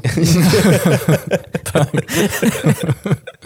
E, od czego zacząć, jeśli chce się nie wiem, szuka, przeszukiwać archiwa na przykład, powiedzmy, podręczniki historii, nie wiem, może szukać w jakichś antykwariatach yy, jakiejś części tej historii, co się zachowało. Mhm. Od czego ty zaczynałeś? Czego ty używałeś? Ja może powiem, od czego ja zacząłem, bo, bo myślę, że każdy ma inną historię i chyba nie ma takiej złotej recepty, od czego zacząć. Ja na pewno yy, zacząłem sobie przeglądać... Yy, no, już mam swoje lata, ale jednak internet już był, mhm. więc zacząłem sobie w internecie przeglądać takie różne y, strony, yy, też nawet tak za bardzo Facebook nie hulał, takie różne strony, gdzie ludzie się dzielili zdjęciami dawnej Warszawy. Ja myślę, że często ludzie od tego zaczynają. Oglądają sobie zdjęcia starej Warszawy i jeszcze jak zobaczą zdjęcie, gdzie ktoś zrobił porównanie, jak wyglądała przedwojenna Marszałkowska i ta współczesna Marszałkowska, to, to w momencie, kiedy jeszcze nic o tej Warszawie nie wiesz, no to masz taki mindfuck gruby, nie? Taki buf, wybuch mhm. w twojej głowie, że wow, to, to tak wyglądało, no coś niesamowitego, nie? Albo, że ten budynek który sobie gdzieś tam stoi yy, pod kątem, to jest pozostałość tej dawnej Warszawy. Zaczynasz rozumieć pewne rzeczy, ale przede wszystkim jak patrzysz na te zdjęcia, no to wiesz, czarno-białe zdjęcie, romantycznie, nostalgicznie, Wielka Polska, Wielka Warszawa, to naprawdę super wszystko na tych zdjęciach wygląda i zaczynasz dłubać, dłubać, dłubać, szukać y, coraz więcej i zaczynasz czytać. Dla mnie takim przełomową, można powiedzieć, książką były, była książka Jerzego Kasprzyckiego Korzenie Miasta. To jest taki warszawianista, który bardzo dużo pisał o przedwojennej Warszawie y, i tak sobie te Korzenie Miasta zaczą, zacząłem czytać i, i to były niesamowite takie, można powiedzieć, to jest taki zbiór felietonów, jeśli można tak powiedzieć i y, i, i właśnie było, była cała masa niezwykle interesujących informacji, a potem tak krok po kroku, krok po kroku. Potem się okazuje, że wiesz, masz w swoim domu kilkaset książek o Warszawie, one się nie kończą i tak naprawdę jest bardzo dużo publikacji różnych warszawianistycznych. Coraz więcej na szczęście i też coraz lepszych, bo wiesz, co chwilę się okazuje, że są, y, jakby ktoś się zabiera za temat i się okazuje, że od 30 lat niby już jest temat rozwiązany, wszystko o tym wiemy, nagle się okazuje, że nie do końca. Jednak coś jeszcze Ktoś jest. się nie przyłożył do badań, ktoś skopiował wyniki badań osób sprzed 100 lat, nie do końca pra prawidłowe, prawdziwe. Mm, więc y, tak, ale generalnie jeśli chodzi o takie źródła poznawcze, y, to, no to przede wszystkim to będą książki, to będą jakieś takie, jakaś literatura taka branżowa typu Skarpa, Stolica, gdzie jest zawsze bardzo dużo ciekawych y, artykułów. Internet daje niesamowite pole teraz. To jest naprawdę niesamowite, że ty nie musisz siedzieć w bibliotece mhm. i tam przeglądać tych, tych zakurzonych książek, tylko sobie odpalasz biblioteki takie online, internetowe i jesteś w stanie sobie otworzyć książkę z XIX wieku od tak, nie? I sobie ją przeczytać, więc to daje dużo, dużo możliwości. Ale u mnie zaczęło się od tych zdjęć, tak jak mhm. myślę u większości osób. I od takiego entuzjazmu, Boże, jaka ta Warszawa była piękna, Boże, jak w tej Warszawie się żyło niesamowicie, coś wspaniałego, że teraz jest tak słabo, a kiedyś było tak rewelacyjnie. Czas, czasem ludzie też z tych spacerów wychodzą z takim właśnie myśleniem, że, że pamiętam ktoś kiedyś na Saskiej Kępie, jest taka willa Łebkowskich, przepiękna, przepiękna willa. Nie wiem, czy kojarzycie, tam ta restauracja się zamknęła, biała. A, to kojarzycie? jest to? To jest to, z takimi pięknymi, kręconymi, tak, tak, no tak. perła, perła w ogóle modernizmu przedwojennego. I kiedyś ktoś mnie, ktoś właśnie tak mnie zagadnął po spacerze i mówi, kurczę, naprawdę kiedyś w tej Warszawie to się tak cudownie mieszkało, Boże, jak to było super. No i wtedy trzeba sobie wyjaśnić, że facet, który tą willę zbudował, to był szefem gigantycznej firmy, która y, była odpowiedzialna za sprzedaż Chevroletów w przedwojennej Polsce. W związku z tym no, miał pieniądze, żeby sobie tą willę wybudować. Tak? To nie był gość, który pracował na etacie mhm. w Biedronce, z całym szacunkiem dla ludzi, którzy w Biedronce pracują, ale wiecie o co no chodzi. Tak, nie? To, to tak. nie jest tak, że to było dobro ja dla właśnie... wszystkich. A było gorzej, było, było, było dużo większy był, mam wrażenie, takie rozwarstwienie społeczne w tej dawnej Warszawie. Nie mogło być inaczej. No to myśmy dopiero co się odrodzili po 100 latach niewoli, 123 trzech latach niewoli, więc no nie mogło być inaczej. Jak myślę o Starej Warszawie, to do głowy przychodzi mi lalka. Mm -hmm. Czy tam dopiero były pomysły, że mogą powstać filtry, że można wodę oczyszczać i mam takie, że tak. nie było pewnie jak fajnie. nie, nie, nie było, nie było, nie, nie. No to właśnie bardzo fajnie Prus pokazał w lalce, że schodzimy sobie ulicą Karową, prawda, tam jest ten opis taki dramatyczny, że, że, że Wokulski sobie zszedł. Już pomijam to, co się działo na tym Powiślu, bo to była masakra, nie? To, co się na mm. tym Powiślu działo, zapadające się chaty w błocie, biedni ludzie, prostytutki i tak dalej. Teraz jedna z droższych dzielnic. Tak, teraz właśnie dzielnica ekskluzywna, to już tak przed wojną zaczęło troszeczkę być, że tam Starzyński się zainteresował tą, tą, tą dzielnicą taką przemysłową, ale, ale to jest prawdą. Tam Wokulski powiedział, że z jednej strony bierzemy wodę i to jest prawda, bo tam y, znajdował się słynny wodociąg. Jeszcze nie ten wodociąg lindlejowski. Natomiast obok było wysypisko śmieci. No i, i to jest prawda, bo przecież nazwa ulicy Karowej wzięła się od karów, czyli wózków, którymi wywożono nieczystości z miasta. Tak? Więc jakby to wszystko się spina y, w jedną całość. No, no nie, nie było tak różowo. Nie, nie było tak różowo. To skoro jesteśmy na tej już Karowej, no. to kiedy ta wycieczka śladami piosenek Taco Hemingwaya. Ktoś Ta, by się zgłosił, na pewno. No, ja myślę, że ktoś by się zgłosił. Tu jest pewien problem. Mianowicie ja nie za bardzo znam twórczość Taco Hemingwaya. Wiecie? Ja wam powiem tak, że ja ogólnie w tym kierunku takim rapowo-hip-hopowym nigdy nie byłem. Nie wiem, może to jest jakieś trochę inne pokolenie. Wy jesteście które roczniki? 9-5. A, no to tak, to troszkę jest różnica pokoleniowa, no bo ja jestem 8-4. Y, ja bardziej taki, byłem taki gitarowy. Nie? Na przykład moim takim zespołem ukochanym, który, który jest w ogóle taką moją ikoną, legendą lat młodości, to jest Tool. Taki, taki Y, zespół amerykański y, grający rocka progresywnego. Nieważne, nie będziemy wchodzili w szczegóły, w każdym razie, w każdym razie mm, y, Taco Hemingway, gościa kojarzę, tak? Natomiast gdybym miał zrobić taki spacer szlakiem Warszawy, tako Hemingwaya, to... W sobotę wieczorem, to, to, to, szczególnie, ja kojarzę, w piątek wieczorem. W sobotę wieczorem. To ja kojarzę, słuchajcie, taki pierwszy kawałek, na którym on się chyba wybił, gdzie tam sobie wymieniał stację metra, bo to jakoś w radiu hulało, Mhm, to to następna kojarzę. stacja, tak. O, no. I, i, I jest jedno miejsce ciekawe, które się przewija u, u tako Hemingwaya, jest chyba taki teledysk Nostalgia. Ja na nim zawiesiłem oko, bo, bo on się zaczyna w taki sposób, że w tle widać y, osiedle Przyczółek Grochowski. Taki wielki, przytłaczający blok. Nie, nie wiem, czy nie mylę teraz. Mhm. Może mylę, może to nie z nostalgii. Kojarzycie? Taka pierwsza scena, jest gość, a jakieś ten rozrzuc... animowany? Nie, Nie, nie, nie, nie. Nie, On był fabularny. On był Tak, tak. fabularny, jakieś tam rozrzucone frytki, z tyłu taki wielki blok, coś takiego Może tam. być, bo ma tylko trzy teledyski, Nostalgia to jest jeden, który Okej. ma, więc pewnie tak. Mogę się mylić, bo tak jak mówię, ja nie jestem tam, nie znam jego twórczości tak naprawdę, ale to akurat kojarzę, bo wielki, charakterystyczny, przerażający, przytłaczający blok i to jest blok bardzo ciekawy, bo to jest blok najdłuższy w Warszawie. To kolejna ciekawostka. Przy Warszawie Tak. Wschodniej. Em, on jest dalej troszkę. On jest przy Alei y, Stanów Zjednoczonych. Czyli tutaj y, te tereny y, grochowskie, jakbyście sobie jechali Aleją Stanów, tak powiedzmy, że zjeżdżamy z mostu Łazienkowskiego, jedziemy Aleją Stanów Zjednoczonych, po lewej mijamy ogródki działkowe, po prawej jest blok.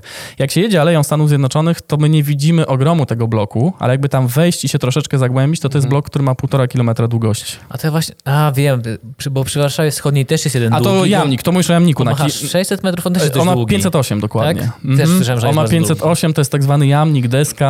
On jest na Kijowskiej. Mhm. Niektórzy mówią, że jest najdłuższym budynkiem w Warszawie. No i tu trzeba sobie zawsze jakby uzupełnić. On jest najdłuższym budynkiem w Warszawie w linii prostej. Natomiast A, tam okej. mamy budynek, który się wije tak, w takie charakterystyczne meandry i on rzeczywiście ma półtora e, kilometra długości, osiedle Hansenów, temat rzeka w ogóle. E, Grał w takim serialu e, Stawiam na Tolka Banana, to już takie historie, Mhm. historyczne tematy. Grał w takim serialu, też nie wiem, czy będziecie kojarzyć, Bulionerzy, był kiedyś taki serial Był. Tak, komediowy. pamiętam. Znaczy, ludzie, Ja co... bardziej tylko banana kojarzę. A ja bardziej Okej. bulionerów pamiętam. Że tam jakaś taka rodzinka, która z bloków do penthouse'u się przeprowadza. Bo wygrała w kostkach rosołowych. Dokładnie tak, dokładnie tak. Całkiem fajny serial swoją drogą. W sensie sama koncepcja, tak patrzysz, nie, to nie może być fajne, ale potem w kostce, w ogóle w bulionach, to może być dobre. to Ale jest to jest- no, niedorzeczne, że jest Historia fajne. przeprowadzenia się z takiego, wiesz, z takich bloków do Tak. penthouse'u jest dobrą Tak, historią. tak. No nie, bo tu już na starcie masz pewne konflikty społeczne, Mhm. wiadomo o co chodzi, więc oni na tym zbudowali cały serial. Całkiem niezły swoją drogą, ale, ale tam właśnie ten blok się przewija. Ten blok to też jest niesamowita historia. W ogóle Hansenowie to byli odjechani architekci, oni mieli takie niesamowite pomysły. Mm, oni ten blok zbudowali w takim wydaniu dlatego, że mieli zbudować duże osiedle mieszkaniowe, a Hansen miał starszą matkę, która tam mieszkała bodajże na czwartym piętrze. Oni budując to osiedle, to jednak PRL powiedzieli im, dobra, no to tam ma być, już nie pamiętam, jakaś duża liczba, ileś tysięcy osób ma mieszkać na tym osiedlu, ale mamy tam tylko kilka wind, radźcie sobie. Nie? No i teraz Hansen nie chciał kogoś stawiać w takiej sytuacji, że w którymś z tych bloków wysokich nie będzie windy, zwłaszcza, że miał tą starszą kobietę, która nie miała windy w bloku i wiedział, co to oznacza dla starszej pani, jak trzeba y, zejść czy wejść na czwarte piętro. Sam wiem, bo nie mam windy w bloku, na trzecie piętro muszę wejść, więc wiem, jak jest. Więc wpadł na taki pomysł, żeby to wszystko połączyć w jedną całość i co jakiś czas porozrzucać szyby y, y, windowe. I galeriowiec klasyczny, czyli wjeżdżamy sobie windą na przykład na trzecie piętro, wychodzimy z windy na galerię zewnętrzną, taki balkon i wtedy każdy się może dostać do swojego mieszkania. No i wszystko fajne, bo tam pomysł oczywiście... A, to jest ten budynek, który ma tak właśnie na zewnątrz. Tak, tak. tak, takie Okej, galerie. dobra, to wiem. Takie, ga- to w ogóle... Ten przywoli na Młynarskiej obok Pączkarni na Takich, Górczewskiej. takich budynków Znaczy, trochę dużo tam się jest, znajdzie w Warszawie. Dużo jest Trochę. Tak, na, na, na Muranowie znajdziecie takie budynki, bo Mhm, swego tak, czasu tak, tak. Na, na Mariensztacie jest jeden taki budynek też galeriowiec. One swego czasu były, na Mokotowie też, swego czasu były się bardzo, bardzo modne, takie właśnie rozwiązania Mhm. tych galeri galeriowców. I, I totalnie niesprawdzone w warunkach polskich, bo galeriowiec się świetnie sprawdza we Włoszech, gdzie jest ciepło, a, a jednak jak masz, wiesz, wejście od razu z tej galerii do mieszkania, to no nie jest za ciepło. No jednak ta klatka schodowa powoduje, że jest troszkę cieplej w takim No budynku. tak, plusem bloku jest to, że ja w zimę nie muszę włączać ogrzewania. No na i tak przykład. jest ciepło. Dokładnie, grzeją ci na klatce, na górze, na dole, znamy temat, tak? No a w galeriowcach tak różowo nie było. Poza tym trzeba pamiętać, że to jest PRL, więc tam wiadomo, kombinowali, żeby tutaj przeoszczędzić Papierem- na jednym, papierem no, tu upchnąć, to uszczelniali, sprzedać, tak. wiemy o co chodzi, nie? U siebie rób jak u siebie, klasyka. Tam mój Więc- teść mieszkał w tym budynku, jeżeli się nie mylę. No to, to swego czasu było naprawdę przerażające miejsce. Tam też chodzą legendy mówiące o tym, jakie straszne rzeczy tam się działy, kto kogo mieszkał. okradał i tak dalej. No bo podstawowa rzecz jest gigant i półtora kilometra długości. Ludzie się nie znają, nie ma więzi społecznych absolutnie żadnych. To jest taki ogromny moloch, więc wiadomo, że to powoduje tam, ma pewne konsekwencje negatywne. Mm. Wiadomo, jak to wygląda. Tam nawet jest, jest taka anegdotka i, i, mieszkańcy tego bloku mówią, że Hansenowie zostawili na tym osiedlu jedno drzewo, żeby było się gdzie powiesić. Nie? więc to tak, tak to trochę działa. No ale tak, mie miejsce, miejsce troszkę, e, troszkę e, przerażające. Aczkolwiek ciekawostka jest, półtora kilometra długości. Hansenowie byli odjechani, oni mieli pomysł w ogóle takiego systemu linearnego, ciągłego. Chcieli przebudować Polskę. No, to tacy ideowcy, nie? Mhm. Hansen I miał od tego bloku i ten blok miał się ciągnąć przez całą Polskę. Tak. Taki znaczy, słuchajcie, pomysł, pomysł bardzo innowacyjny, który polegał na tym, że rezygnujemy z budownictwa, które zastaliśmy, tworzymy coś zupełnie nowego, żeby człowiekowi się dobrze żyło, tak? I to miało wyglądać tak, że Polskę przecinamy takimi budynkami od, z północy na południe, czyli wyobraźmy sobie to tak, że mamy taki ogromny, gigantyczny blok, który się zaczyna gdzieś tam w Gdańsku, kończy powiedzmy w Zakopcu i sobie idzie przez całą Polskę. E, dzięki temu każdy ma równy dostęp do światła, równy dostęp do świeżego powietrza, wiadomo o co chodzi. Potem mamy pas zieleni, przez całą Polskę, każdy ma dostęp do zieleni. Potem mamy pas przemysłowy, gdzie są fabryki, pas zieleni nas chroni przed tym przemysłem i tak sobie właśnie przebudowujemy Polskę. Piękna sprawa, tylko no niestety... To jest tak bardzo proste, że tak, no, no to fajne, tylko tak. że to tak, tak. Nie, tak. Znaczy to jest, ja tak uwielbiam w ogóle. Tylko w poprzek się tak trochę to jest taki, to jest taki, to jest taki architekt romantyk w ogóle, ja uwielbiam. On miał tak niesamowite pomysły na osiedlu, na Rakowcu, y, w, w budynkach, y, które zresztą istnieją do dzisiaj, są takie okienka, no powiem nieładnie, z dupy, nie? zupełnie bez sensu. Mhm a te okienka są po to, że to było osiedle robotnicze i Hansen sobie wymyślił, że okienko będzie na takiej zupełnie bezsensownej wysokości niewielkie, bo jak przyjdzie robotnik z fabryki zmęczony, to on się uwali na kanapie i leżąc na kanapie będzie widział zieleń swojego osiedla. Rozumiecie? To jest myślenie Hansena. Coś niesamowitego. Coś niesamowitego. A to jest, jesteśmy na architekturze. No, no. To co myślisz o Nowej Rotundzie? Nie podoba mi się. Muszę, nie, podoba się? Właśnie... nie, nie podoba mi się. Podoba mi się jedna rzecz. Ja w ogóle nie lubię rotundy, nigdy. podoba mi się jedna rzecz. Podoba mi się ten pomysł z kawiarnią fajny, mhm. bo można sobie usiąść w takim centralnym miejscu, pooglądać. Nie ma co oglądać dookoła, no ale to inna sprawa. No tylko korki, ale, ale korki jakby, nie No dokładnie, tak. ale jakby pomysł fajny. Podoba mi się, że jakieś takie, no mhm. starali się wprowadzić takie miejsce y, do życia. Ale od wizualizacji się Ja się zastanawiam, czy w ogóle powinien mówić takie rzeczy, bo może jakieś, jakieś te budynki. zleconko z PKO by wpadło, może niepotrzebnie. Ale nie, wszystkie nowe budynki, e, żagiel na Zolej 44, wszystkie jak pokazują wizualizację, to zawsze wszyscy mówią, że kompletnie się różni. Bo A, tak. E, z żaglem to jest tak, i to nawet chyba Radek Gajda zrobił filmik na ten temat. Zrobił, na jego książce jest. Tak, że tu chodzi o to, gdzie popatrzysz, jak staniesz, mhm. tak? Że smukło wygląda bardzo no ładnie, no tak. Y, tak, jeśli tak. staniesz na Ale tej ulicy. Ale też chodziło o kolory. W Rotundzie też wszyscy mówią, że są inne szyby. To prawda. I wiele mhm. budynków ma ten sam problem, że wykończenie dachu. były inne. Wiecie, wykończenie dachu też jest jakieś takie wypłaszczone, takie straciła ta architektura taką, taką mięsistość, mam wrażenie, bo jakby tu elementem tej architektury były te, te, właśnie elementy konstrukcyjne, które sprawiały, że to jakby samo w sobie miało pewną jakość, nie? że konstrukcja dachu to było coś, na czym się zawieszało oko, a, a tutaj jakoś to zostało tak wypłaszczone. No nie do końca mi się podoba, muszę mhm. powiedzieć Ale szczerze. strasznie starej rotundy tak strasznie nie lubiłem, była taka brzydka. Nie no, bo on była, wiesz, oklejona, brudna no tak. i tak dalej. Ja już wiem w ogóle czemu, e, bo teraz budują ten Widok Towers mhm. za nią i w ogóle niektóre... Który też nie jest za ładny, nie? Powiedzmy sobie szczerze. Jak go kończą, to jak zaczynam mieć do niego ale mm, mm. w ogóle nie kojarzyłem, jaki tam budynek stał. I w końcu właśnie czytając historię, gardy, gajdy, mm -hmm ogarnąłem czemu. Bo on był przykryty wielkim billboardem. Tak, Strasznie tak, długo. Przez lata. To była wielka tak, reklama, nie było widać tego budynku. Oczywiście, tam pamiętam, odkąd pamiętam jakieś tam gacie Beckhama czy coś. Nie, zawsze tam coś wisiało. Jakaś szmata zawsze tam wisiała i to dlatego właśnie my tego budynku nie kojarzyliśmy w takim surowym wydaniu. Ale tam z tym budynkiem jest w ogóle jeszcze jedna kwestia, bo on też mam wrażenie mocno zmienił w ogóle perspektywę. I teraz jak się jedzie z prawego brzegu na lewy y, mostem Poniatowskiego, to jakoś tak bardzo mhm. go widać. Nie wiem, czy zwróciliście na to uwagę. Mhm, tak bardzo. Stoi taki fallus, nie? I jest drugi taki budynek, którego nienawidzę, bo ogólnie architektura... No, ja generalnie nie jestem miłośnikiem biurowców, bo one są wszystkie do siebie podobne, ale... Chodzi się na ścięty? Nie? Nie, nie, nie, słuchajcie, Plac Unii. E, Plac Unii, I... bo on świetnie wygląda. No, kojarzymy, nie? Na Placu tak, Unii Lubelskiej, tak, tak, biały, tak, wysoki budynek. Zastanawiam się, do czego go porównasz. Czy, czy chodzi o Nasz to? falus już poszedł, więc jakby wystrzelałem się. Ale Wystrzelałem się z pomysłu. Zauważyłem, że jak jechałem płasko, dopiero wtedy zauważyłem, że to... Nie, jest jedna rzecz. On fajnie domyka jakby widok puławski. Jak się tak, Puławską, ładnie zamyka tą pierzeję i fajnie. Natomiast cholernie zepsuł y, y, kwestie widokowe, jeśli chodzi o łazienki królewskie. Jak stoisz sobie na dole pod belwederem w łazienkach królewskich, Mhm. to z tyłu wystaje właśnie coś takiego. Okropnie to wygląda, bo, no bo jednak park, y, wiecie, no pamiętający czasy Stanisława Augusta, pamiętający czasy jeszcze tam XVII-wieczne, Lubomirskiego i tak dalej, i tak dalej. Y, I, I mamy właśnie taki sterczący budynek średnio, średnio to wygląda. Chociaż z drugiej strony, no to też nie jest tak, że pomysł jest nowy, bo, bo w tym rejonie już przed wojną planowano biurowiec y, radia, więc jak gdyby taki wysokościowiec był w planach. No. No i to widok Teraz- Towers, akurat widok z Poniatowskiego się podoba. Jak Tak? widzę go z daleka, to mi pan pasuje, Mhm. podoba mi się. no tak, no to wiadomo, to no, Augusta się nie dyskutuje, każdy ma inne Teraz, podejście teraz do tak myślę, że jak jedzie się Puławską i y, te zwieńczenie, czyli do te plac Unii, to trochę nie współgra rzeczywiście, bo końcówka plac y, Puławskiej to jest y, Stary Wedel, tak? Masz... Y, Mhm. Tam Madalińskiego, ten, ta kamienica Wedla. Tak, Mhm. I to na, na samym końcu jest taki nowy, bardzo, y, no może powiedzmy ekskluzywna galeria, budynek, który Mhm. trochę to W ogóle nie, byłeś nie tam kiedyś? się. Byłem tam, Tak? byłem. mi się wydaje tak ekskluzywna, że się zbliżyłem. Stwierdziłem, że a, dobra, nie wchodzę. Nie, tak, jak, nie. tak jak Cliff, rozumiem. Ale byłeś byłeś w klifie. Byłem w Cliffie Kurde, parę nie. razy. W Cliffie byłem chyba tylko raz, ale ja generalnie w ogóle unikam, jak, jak muszę, no jak już trzeba się ubrać, bo to jednak czasem trzeba, to, to tam pójdę do centrum handlowego, ale no właśnie, jak już mówimy o, o kiepskich budynkach, to, to, właśnie to miałem złote tarasy. pytać. Złote tarasy. Złote tarasy. Nie lubię, nie podobają mi się, nie pasują w ogóle do architektury. Rację. Ja mam tu w ogóle zestawienie i chciałem się zapytać o kilka budynków ciebie, No, no. ale rzeczywiście, złote tarasy, nie dopisałem tutaj złotych tarasów. Aha. Masz, rac- masz rację. Rotundy już poruszył Krzysiek. Złote tarasy są, według mnie, ja lubię w ogóle nowe budynki Mhm. bardzo, są bardzo spoko, tylko ta kurwa gitara, Hard Rock Cafe, po co ona tam No. Ale z drugiej strony ona jest taka ikoniczna, nie? No jest ikoniczna. No, to też jakby, tu, tu, tu można by się było No zastanawiać. już, tam stoi, niech już stoi już. Ale, ale sama ta architektura jakoś tam no, no, nie za bardzo, yy, no nie podoba mi się. Mi się no, bardziej mhm. z nowych budynków podoba na twardej ten, to domino czarne.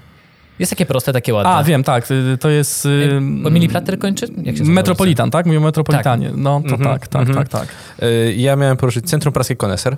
Czy jest Super. super? Super. Uważam, że świetną robotę zrobili, bardzo dobra architektura, świetnie Świetnie to się, się wkomponowuje Tak. w Pragę, którą opisałeś I wcześniej. zawsze, zawsze to też podkreślam, że bo jakby no wydaje się, że nie można zrobić czegoś nowoczesnego i połączyć tego ze starym. Można. Wystarczy przyjść na teren konesera i oni to zrobili w genialny sposób, bo są stare takie kamienice, znaczy kamienice, budynki fabryczne wybudowane z czerwonej cegły w, w tak zwanym stylu Robał. On był bardzo modny w XIX wieku, taki neogotycki, taki właśnie surowy. Woda, wody może? O, proszę. Nie, proszę bardzo. E, taki surowy i, i właśnie świetny kierunek. Zaraz obok stoi bardzo nowoczesny budynek, gdzie się znajdują różne tam butiki, sklepy i on jest z takiego surowego betonu. Świetnie to w ogóle współgra ze sobą. Uważam, że naprawdę zrobili tam kawał dobrej roboty i jeśli chodzi o, o, o centrum Koneser, bomba.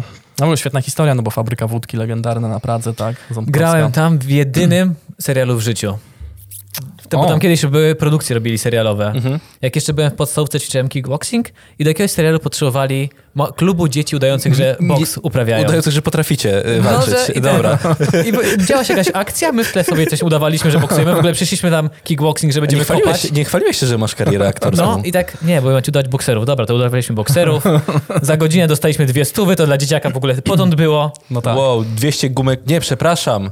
Ja nie wiem, ja to Guma było kulka była, było kiedyś coś I to takiego. weź guma jeszcze kulka. poprawkę na inflację. 10, 10 groszy kosztowała, pamiętam podstawówce kiedyś. 200 zł. Paweł dostał tyle za ten, za bycie statystą. A jako dzieciak za godzinę. Ale Obiecał. ładny wynik, ładny wynik, no, naprawdę. W tamtych czasach No. to rzeczywiście. Pięknie się koneser, bo teraz y, jakoś niedawno dosyć byłem na spacerze właśnie ze swoją dziewczyną tam. Y, pierwszy raz widziałem konesera i naprawdę byłem pod wrażeniem. Pamiętacie go jeszcze sprzed przebudowy, takiego dzikiego No, zupełnie? niestety, nie, nie, niestety, no e, takie pozamykane tu Krzysiek bardziej, po nie. prostu. Tak, tak. Zupełnie inaczej to wyglądało. Tam pamiętam jeszcze, jak zaczynałem spacery, to, to można było wejść na teren tego konesera. Takie właśnie były kartoflowiska fajne. Tam nic się nie działo kompletnie, te, te budynki sypiące się. E, Ale stamtąd pochodzi mój y, ulubiony mural warszawski, który reklamuje mój spacer po Szmulowiźnie, który jest moim takim hiciorem. Najwięcej ludzi przychodzi na Szmulki, bo widzi zdjęcie przedstawiające mural, pokazujące postaci historyczne w takim bardzo ładnym, kolorowym, nowoczesnym wydaniu. Jest Kopernik, jest Stańczyk, wszystko się zgadza. Mural jest namalowany na ścianie szczytowej budynku rektyfikacji, tej najważniejszej. Teraz Mhm. tam się wchodzi do Muzeum Polskiej Wódki. Więc zawsze jak wrzucam to wydarzenie, no to wiadomo, jest klikalność ogromna, bo to po pierwsze ładnie wygląda ten mural, e, po drugie ludzie się pytają, gdzie to jest, do jasnej cholery. A ten mural był w Warszawie jeden dzień. To jest w ogóle ciekawa Naprawdę? historia. Tak, to jest ciekawa historia. Słuchajcie, no, Wstawiałeś będę się niedawno- powtarzał. Ci, niedawno- niedawno tak, właśnie to i właśnie się, gdzie to jest, bo no tego to jest nigdy właśnie nie to. widziałem. Słuchajcie, to jest wejście do, do, do, do, do, do Muzeum Polskiej Wódki. Dokładnie, Mhm. to jest dokładnie to miejsce. Tylko sprzed przebudowy. E, I to jest, y, ja już milion razy opowiadałem tą historię i na spacera, więc jak ktoś będzie oglądał z mojego kanału, to już tam będą wymiotować, ale muszę powiedzieć, bo to jest fajna historia. Opowiadaj, opowiadaj. No, po Słuchajcie, robiłem pierwszy spacer po Szmulowiźnie 2014 rok. Y, Wtedy jeszcze, tak jak mówię, to wyglądało zupełnie inaczej. Y, I przygotowując się do spaceru, tak sobie chodzę po tym koneserze i robię sobie zdjęcia. Tam miałem lustrzankę ze sobą, robię sobie zdjęcia i patrzę, genialny mural. No genialny mural. Zrobiłem zdjęcie tego muralu. No i wiadomo, że od razu jak utworzyłem wydarzenie na Facebooku, no to ma się klikać, więc zdjęcie wrzuciłem na, jako tło tego wydarzenia E, i rzeczywiście tam hit, chyba tam ze 60 osób wtedy przyszło, no to byłem no, szalenie tam content. Em, I, I rzecz najfajniejsza, mm, wszyscy przyszli, no bo zobaczyli zdjęcie muralu, który świetnie wygląda, więc tam opowiadam różne historie dotyczące konesera i mówię, słuchajcie, to teraz pokażę wam ten genialny mural. I podchodzę w to miejsce, staję przed tym budynkiem i nie ma muralu. Nie ma, po prostu jest goła ściana, nie ma nic, absolutnie nawet nic, co by przypominało o tym, że ten mural w ogóle tam był. On był namalowany na ścianie.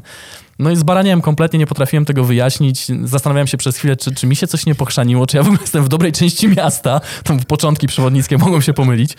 E, siedzę sobie potem ze znajomymi na piwie w knajpie, telewizorek, patrzę, reklama żywca. Namalowali, nakręcili Reklamę. wytarli. Jeden dzień był mural w Warszawie, mam to zdjęcie, być może jako jedyny przewodnik. E, No i wiadomo, Januszowy marketing, pyk, pyk. On cały czas ten spacer reklamuje, zawsze najwięcej ludzi przychodzi na, e, na, na ten spacer po szmulkach. Także tak. Nawet pan Złomnik, nie wiem, czy kojarzycie gościa e, na E, YouTubie, tak, stare samochody. tak, tak, tak, Fajny tak, tak. gość, był u mnie na tym spacerze, tak, tak e, mieliśmy właśnie okazję się poznać. Pozdrawiam serdecznie, e, e, bo, bo gość bardzo fajny. Też nawet ostatnio mnie wspomniał w jednym z filmików, a mi się miło zrobiło. no. Także tak to wygląda. Ja mam problem z muralami, że y, no, to, to już tutaj w, Warsz- w Warszawie nie może, ale Mhm. y, we Wrocławiu y, starałem się, bo Wrocław się reklamuje, że ma dużo murali Mhm. i zawsze dostałem taką mapę, no i tak sobie stwierdziłem, że pójdę, pooglądam. Mhm. Trafiłem tylko na jeden z dziesięciu, jaki był. Nie wiem, czy zamazali, czy po prostu źle chodziłem, ale no, no, no był problem, że po prostu No chyba tak samo... chyba to do siebie mają, że znikają. Zawsze wszyscy ze Śląska z Kato- Znikają. Sosnowca mi mówią, że Sos- Sosnowiec ma swoje graffiti, swoje Mhm. murale, swoją sztukę, która się zmienia i można tam pooglądać. Tak. Ale do Sosnowca nie pojadę, więc tego raczej nie zobaczę. No tak. Chodź, mnie zmusili. Beka z Sosnowca musi być, nie? No wiesz, no, no najpopularniejsze graffiti chyba w Warszawie, no to e, o, ogrodzenie toru służewieckiego. Tak, to służewieckiego, tor tak? wyścigów Mhm. konnych i tam to... to, I to, to jak ten mur się rozpada już od, od, od tego wszystkiego. 95 rocznik, tak? Mówicie, taki film był Girl Guide. Ja mam do niego sentyment, on jest beznadziejny. Y, Paweł Kukis, Paweł Kukis tam grał w tym filmie. Jest straszny w ogóle, jak, jak, jak, lubicie pocierpieć i macie takie właśnie po- pomysły, żeby oglądać słabe filmy, to polecam. Nie, nie wiem, czy macie coś, ale jest coś takiego, że jak w dzieciństwie się oglądało jakiś film, on ci się w dzieciństwie podobał, oglądasz go teraz, jest beznadziejny, ale jest, Jest, sentyment, wracasz do tego, nie? Coś, coś takiego działa. No teraz bym, nie wiem, włączył sobie szklaną pułapkę, trzecią część i bym nie był... No w ogóle szklaną pułapkę, no nie wiem, czym się... Nie, zakochałbym się w szklanej pułapce, Nie, nie, się zakochał. pułapka, ale nie, na to dobry film. Taki Ale no, poranek Kojota możemy powiedzieć, albo coś... na pewno by się znalazło sporo takich no, Coś takiego jest. filmów. Ja mam właśnie tak z tym filmem Girl Guide e, i, i tam jest taka scena, e, gdzie właśnie Cookies, prezydent niedoszły, sobie stoi na tle toru wyścigów konnych i są te graffiti. On też jest wymalowany w graffiti. Coś dziwnego. Mietczyński ostatnio zrobił o tym filmie recenzję e, i, i tam mocno zjechał ten film. Ale zgadzam się z nim. Film jest beznadziejny, natomiast tak jak mówię, sentyment. No. Jest coś takiego, że masz sentyment albo masz w pamięci jakieś filmy, które widziałeś i, i to jest, to jest nie- niesamowite, jak gdzieś ten film wróci w ogóle po latach.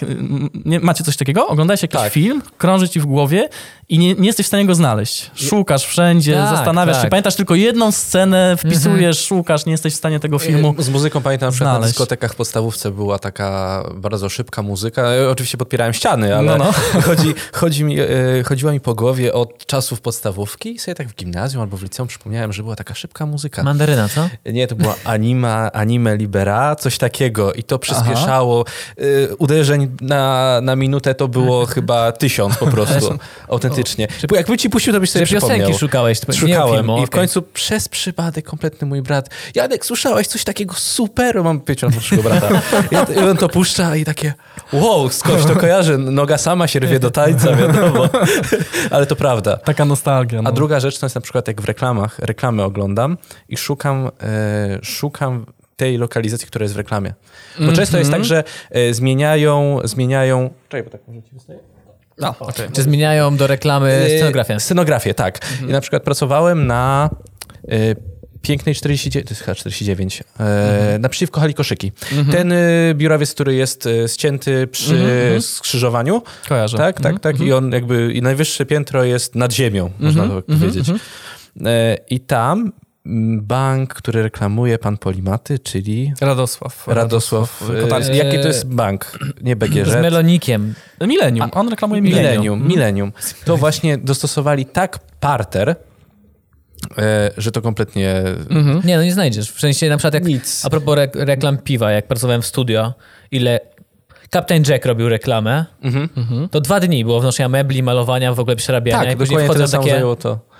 Ty, to, to, to nie jest to miejsce. Uwielbiam szukać właśnie tych lokalizacji, nawet jeśli troszeczkę zmienią scenografię, szukam tych miejsc Musieliśmy cały czas. zaprosić No jakiegoś tak. e, Są takie miejsca w ogóle, gdzie one się ciągle powtarzają, bo są Tak. jakieś takie dobrze wyglądają w kadrze. Na przykład Plac Grzybowski. Jezu, ile tego się kręci na Placu Grzybowskim. A, Teraz po tej przebudowie. Nie, bo ładny, bo tam fajnie gra w kadrze Tak. i, e, i, i, i, i, i, i troszkę się zmienił od czasów, kiedy tam była scena w Misiu Barejowskim, bo wygląda dużo ładniej. E, No, także Bareja, nie ten temat, wiem, nie to pokolenie. To... Znaczy, Nie, nie, oglądaliśmy, nie, tak, ale... Wiem, was to, nie ja, znaczy sorry, tak kategoryzuję, ale mam takie wrażenie, że właśnie jeszcze tam to moje E, Wydaje pokolenie mi się, się że jara jesteśmy, strasznie filmami. jesteśmy jeszcze tym pokoleniem, które Złapało kojarzy te jeszcze rzeczy. złapie. Na przykład mój, dobra. mój brat y, 2000 rocznik, To już nie, to to, zupełnie. już jest No. y, problem. Alternatywy 4 uważam, że to jest chyba najlepszy jest serial. 2000 rocznik. 2000 rocznik. No. Powiedz temu leniwemu gnojowi, że pracuje z gościem, który jest ten sam rocznik. On tam tylko ledwo studiuje i siedzi na dupie. Weź no. I tak go gnębimy już jednym swoim tekstem, że nie będę tutaj Dobra. mówił na wizji.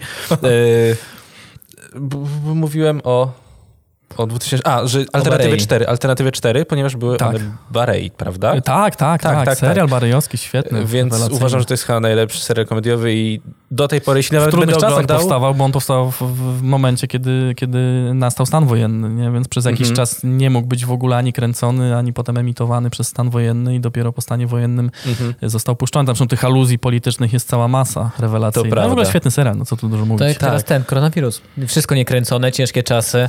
Później dopiero... Myślę, że będą porównywać do tamtych tak, czasów. tak, tak, Zaraz. że to teraz... To wam powiem ciekawostkę jeszcze. Y, y, Córka Stanisława Barei była u mnie na jednym ze spacerów na, na Saskiej Kępie. Mieliśmy okazję chwilę pogadać i też współpracujemy z Tomkiem Bareją, który jest, jest Kuzy- pokrewniony z kuzynem, Kuzynem, tak. reżysera i on teraz na Pradze stworzył takie fajne miejsce z syfonami. On, on jest antykwa, antykwariuszem, więc taki Mhm. w bardzo fajnym klimacie miejscówkę y, przy ulicy Czynszowej, Stalowa Czynszowa, to jest ten, ten narożnik. Y, I, I nie wiem, jak to wszystko się skończy i wrócimy z naszymi pomysłami, bo y, mamy taki projekt ogórkowy, który miał ruszyć, w ogóle coś niesamowitego. 8 chyba marca mieliśmy ruszyć e, szlakiem Mrocznej Warszawy naszym ogórkiem, czyli takie Mhm. mroczne, nieco przestępcze historie dawnej Warszawy. O tym właśnie wspominał, e, przepraszam, możesz przypomnieć imię e, kuzyna, kuzyna? Yy, Tomek, Tomek, Bareja. tak. Mhm. Tak. Pan Tomek mówił właśnie w wywiadzie i pamię, mówił... A, czy już tam coś zaczął to promować, tak? Bo widziałem, ostatnio- nie, nie wiem skąd, kiedy był, ale tak rzeczywiście chyba o tym, Aha, o tym miejscu wspominał.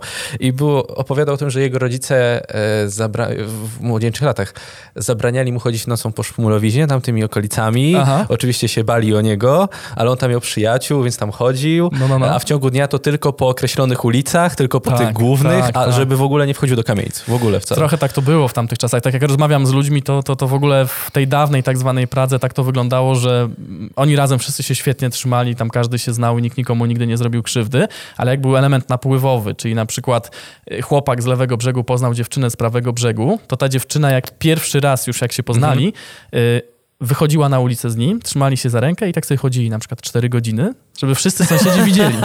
Okay? I on wtedy, jak już wszyscy podłapali, że, że jest w porządku, Aha. no to po prostu w tej sytuacji gość już sobie mógł spokojnie yy, chodzić. Jedna z Wow. pań na spacerze mi opowiedziała taką fenomenalną historię, jak się przeprowadziła na Pragę. Cholera, nie pamiętam na którą ulicę. Nie wiem, czy to nie była Brzeska. Możliwe, że Brzeska.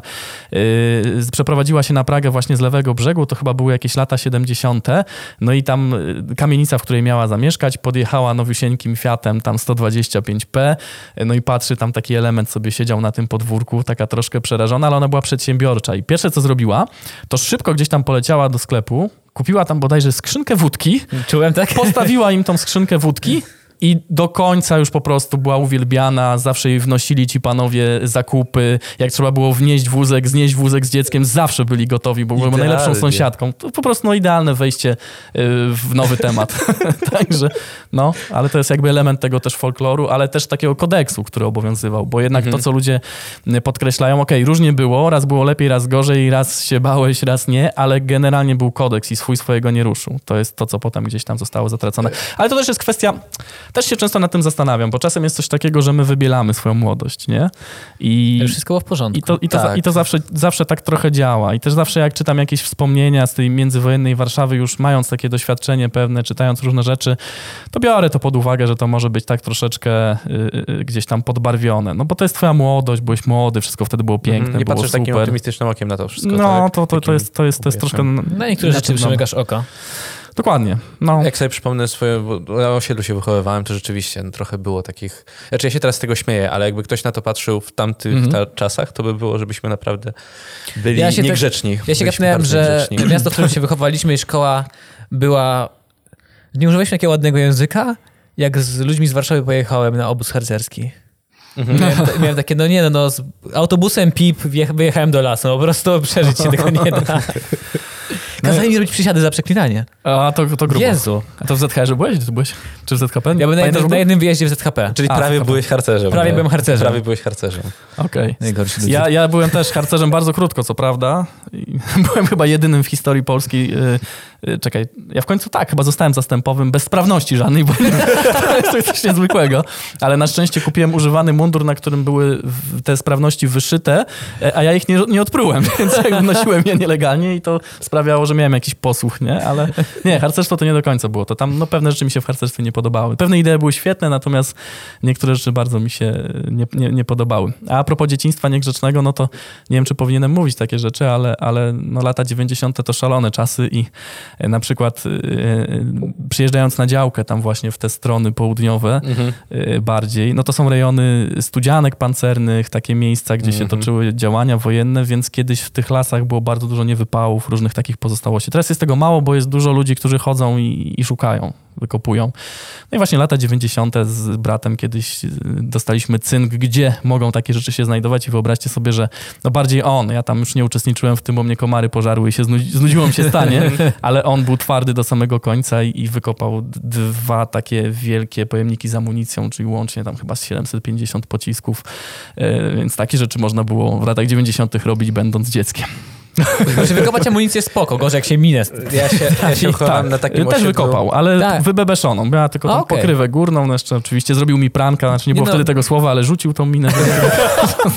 Do lat 90. już ale to, wszystkie ja mam nadzieję, że to się przedawniło. Nie, to chyba się przedawniło. Nie? Tak, tak, spokojnie. Mi się najbardziej podoba jak kiedyś, kurde, to nie wiem, czy to nie była zima, ale jakoś jak było tak chłodno, nie fajnie. I czekałem na pociąg właśnie w stronę Radomia, bo tam dojeżdżałem pociągiem. Mhm. I pociąg nie przyjeżdża. I godzina, coś tam dzwonię tam w ogóle na infolinię. Oni nie, Znaleźli nie wypał. nie wiedzą, co się dzieje z tym pociągiem i tym później dowiaduję, no cała linia została zatrzymana, nie wypał znaleziono przy remoncie. No tak No przynajmniej tak, 4 tak. do 6 godzin wstrzymany ruch jest no, na spokojnie. Akurat w Warszawie to, to nie jest w ogóle zaskoczenie, bo przecież Tak. to co chwilę coś się na budowach znajduje. Nie? To, to zresztą trudno się temu dziwić. Albo E, szczątki dinozaura. Tak? mamuta. Dobrze, mamuta. Tak, tak, tak, tak, nie. tak, tak, to prawda, to prawda. Podobno jeden już mamut w którymś kościele, chyba tym na Wilanowie jest. Tam jest kość taka wielka Kość. W, w, w kościele świętej Anny, tak, w Wilanowie, ale to ona w momencie, kiedy ten kościół był budowany, została wykopana i wisi na łańcuchu, rzeczywiście taka gigantyczna jest, A jest. teraz na tym Ja stacji nie metra wiem. też to wyeksponowali, tak? Bo to nie zabrali, zostawili tam. I tak przypatrzysz że na tą można kość i jeść. tak, to co, była to ewolucja Darwina, czy nie? Tak wiecie, bo to tak, No tak. się wszystko powstało. E, tak mówiłeś o tych niewypałach. Ja wychowałem się na osiedlu, które było... tro- e, Nie wypałem.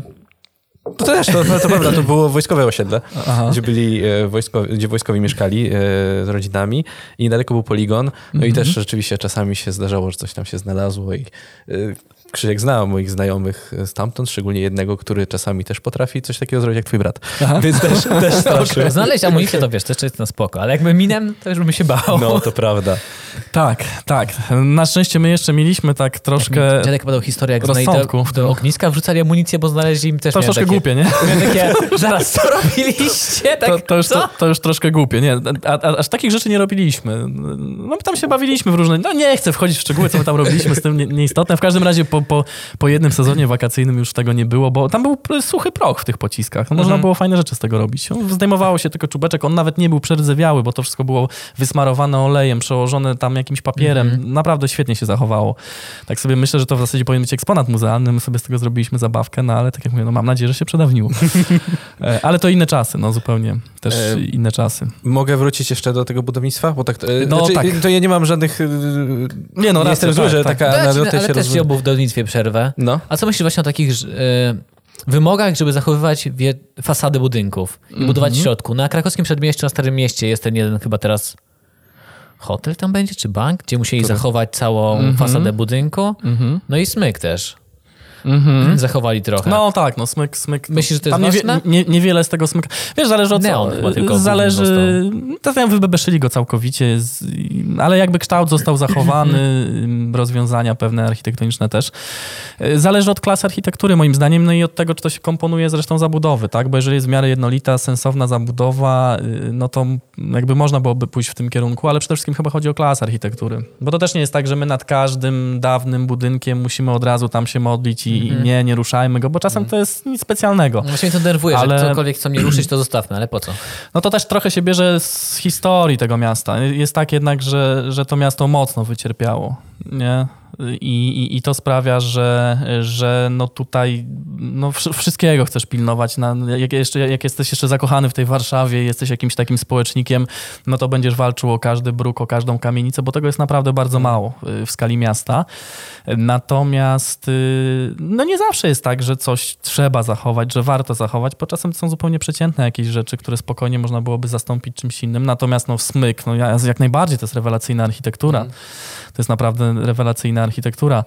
No wyobraźcie sobie, jak to, jak to powstawało w, w, w, w tych wczesnych powojennych latach, bo to jest przecież przełom lat 40., 50. Zobaczcie, jak, jak, jakie to musiało robić wrażenie. To był budynek no, skrajnie nowoczesny. No Ichnatowicz, który tam to współprojektował, to w momencie, kiedy się pojawiła już doktryna socrealizmu i zaczęto budować takie obiekty jak Pałac Kultury czy, czy MDM właśnie, Plac Konstytucji, no to musiał powiedzieć, że no, złożyć taką samokrytykę i powiedzieć, no nie, nie, w ogóle nie wiem, zapatrzyłem się na zachód, nie wiem, coś złego się wydarzyło w mojej głowie. Ja nie wiem, jak to się stało, nie? Tak naprawdę nie przyznaję się do tego budynku. Trochę tak to, e, tak to wygląda. Był skrajnie nowoczesny. Skrajnie nowoczesny, przepiękny, uważam. Nie, naprawdę, Smyk jest, jest, jest znaczy Smyk, CEDET, to Centralny Dom Towarowy, to jest jego ta nazwa Czyli po prostu historyczna. jesteś po stronie, że dobra, te ważne zachowu- zachowujmy, ale no nie ze wszystkim nie, jest, nie bawić. jest tak, tak, no nie jest tak, że, że, że musimy wszystko, tak, wszystko gdzieś tam rękami, nogami y, walczyć o każdy obiekt, bo niektóre no, no nie mają jakiejś tam specjalnej wartości historycznej. No często się też zdarza tak, że no, chociaż teraz w zasadzie chyba wszystko można uratować. Nie wiem, nie wiem, nie znam się na tych sprawach technicznych, ale myślę, że już ta technika poszła tak daleko, że naprawdę Znaczy, jeśli ma się wystarczająco dużo, dużo pieniędzy, to tak, można, tak, można wszystko oczywiście, zrobić. Oczywiście. To No wiesz, tu, tu, tu trzeba ważyć te argumenty, no bo wiadomo, że tak, no ktoś powiedzmy tą działkę nabył, ktoś tą kamienicę y, nabył, ym, no ma swój interes w tym, żeby na tym w jakiś sposób zarobić i teraz też nie możemy do końca no, od niego wymagać, że on teraz biliony włoży w kamienicę, z której będzie miał relatywnie mały dochód, bo tam 7 osób zamieszka, nie? Wiecie o co chodzi. Więc jakby trzeba umieć to też równoważyć i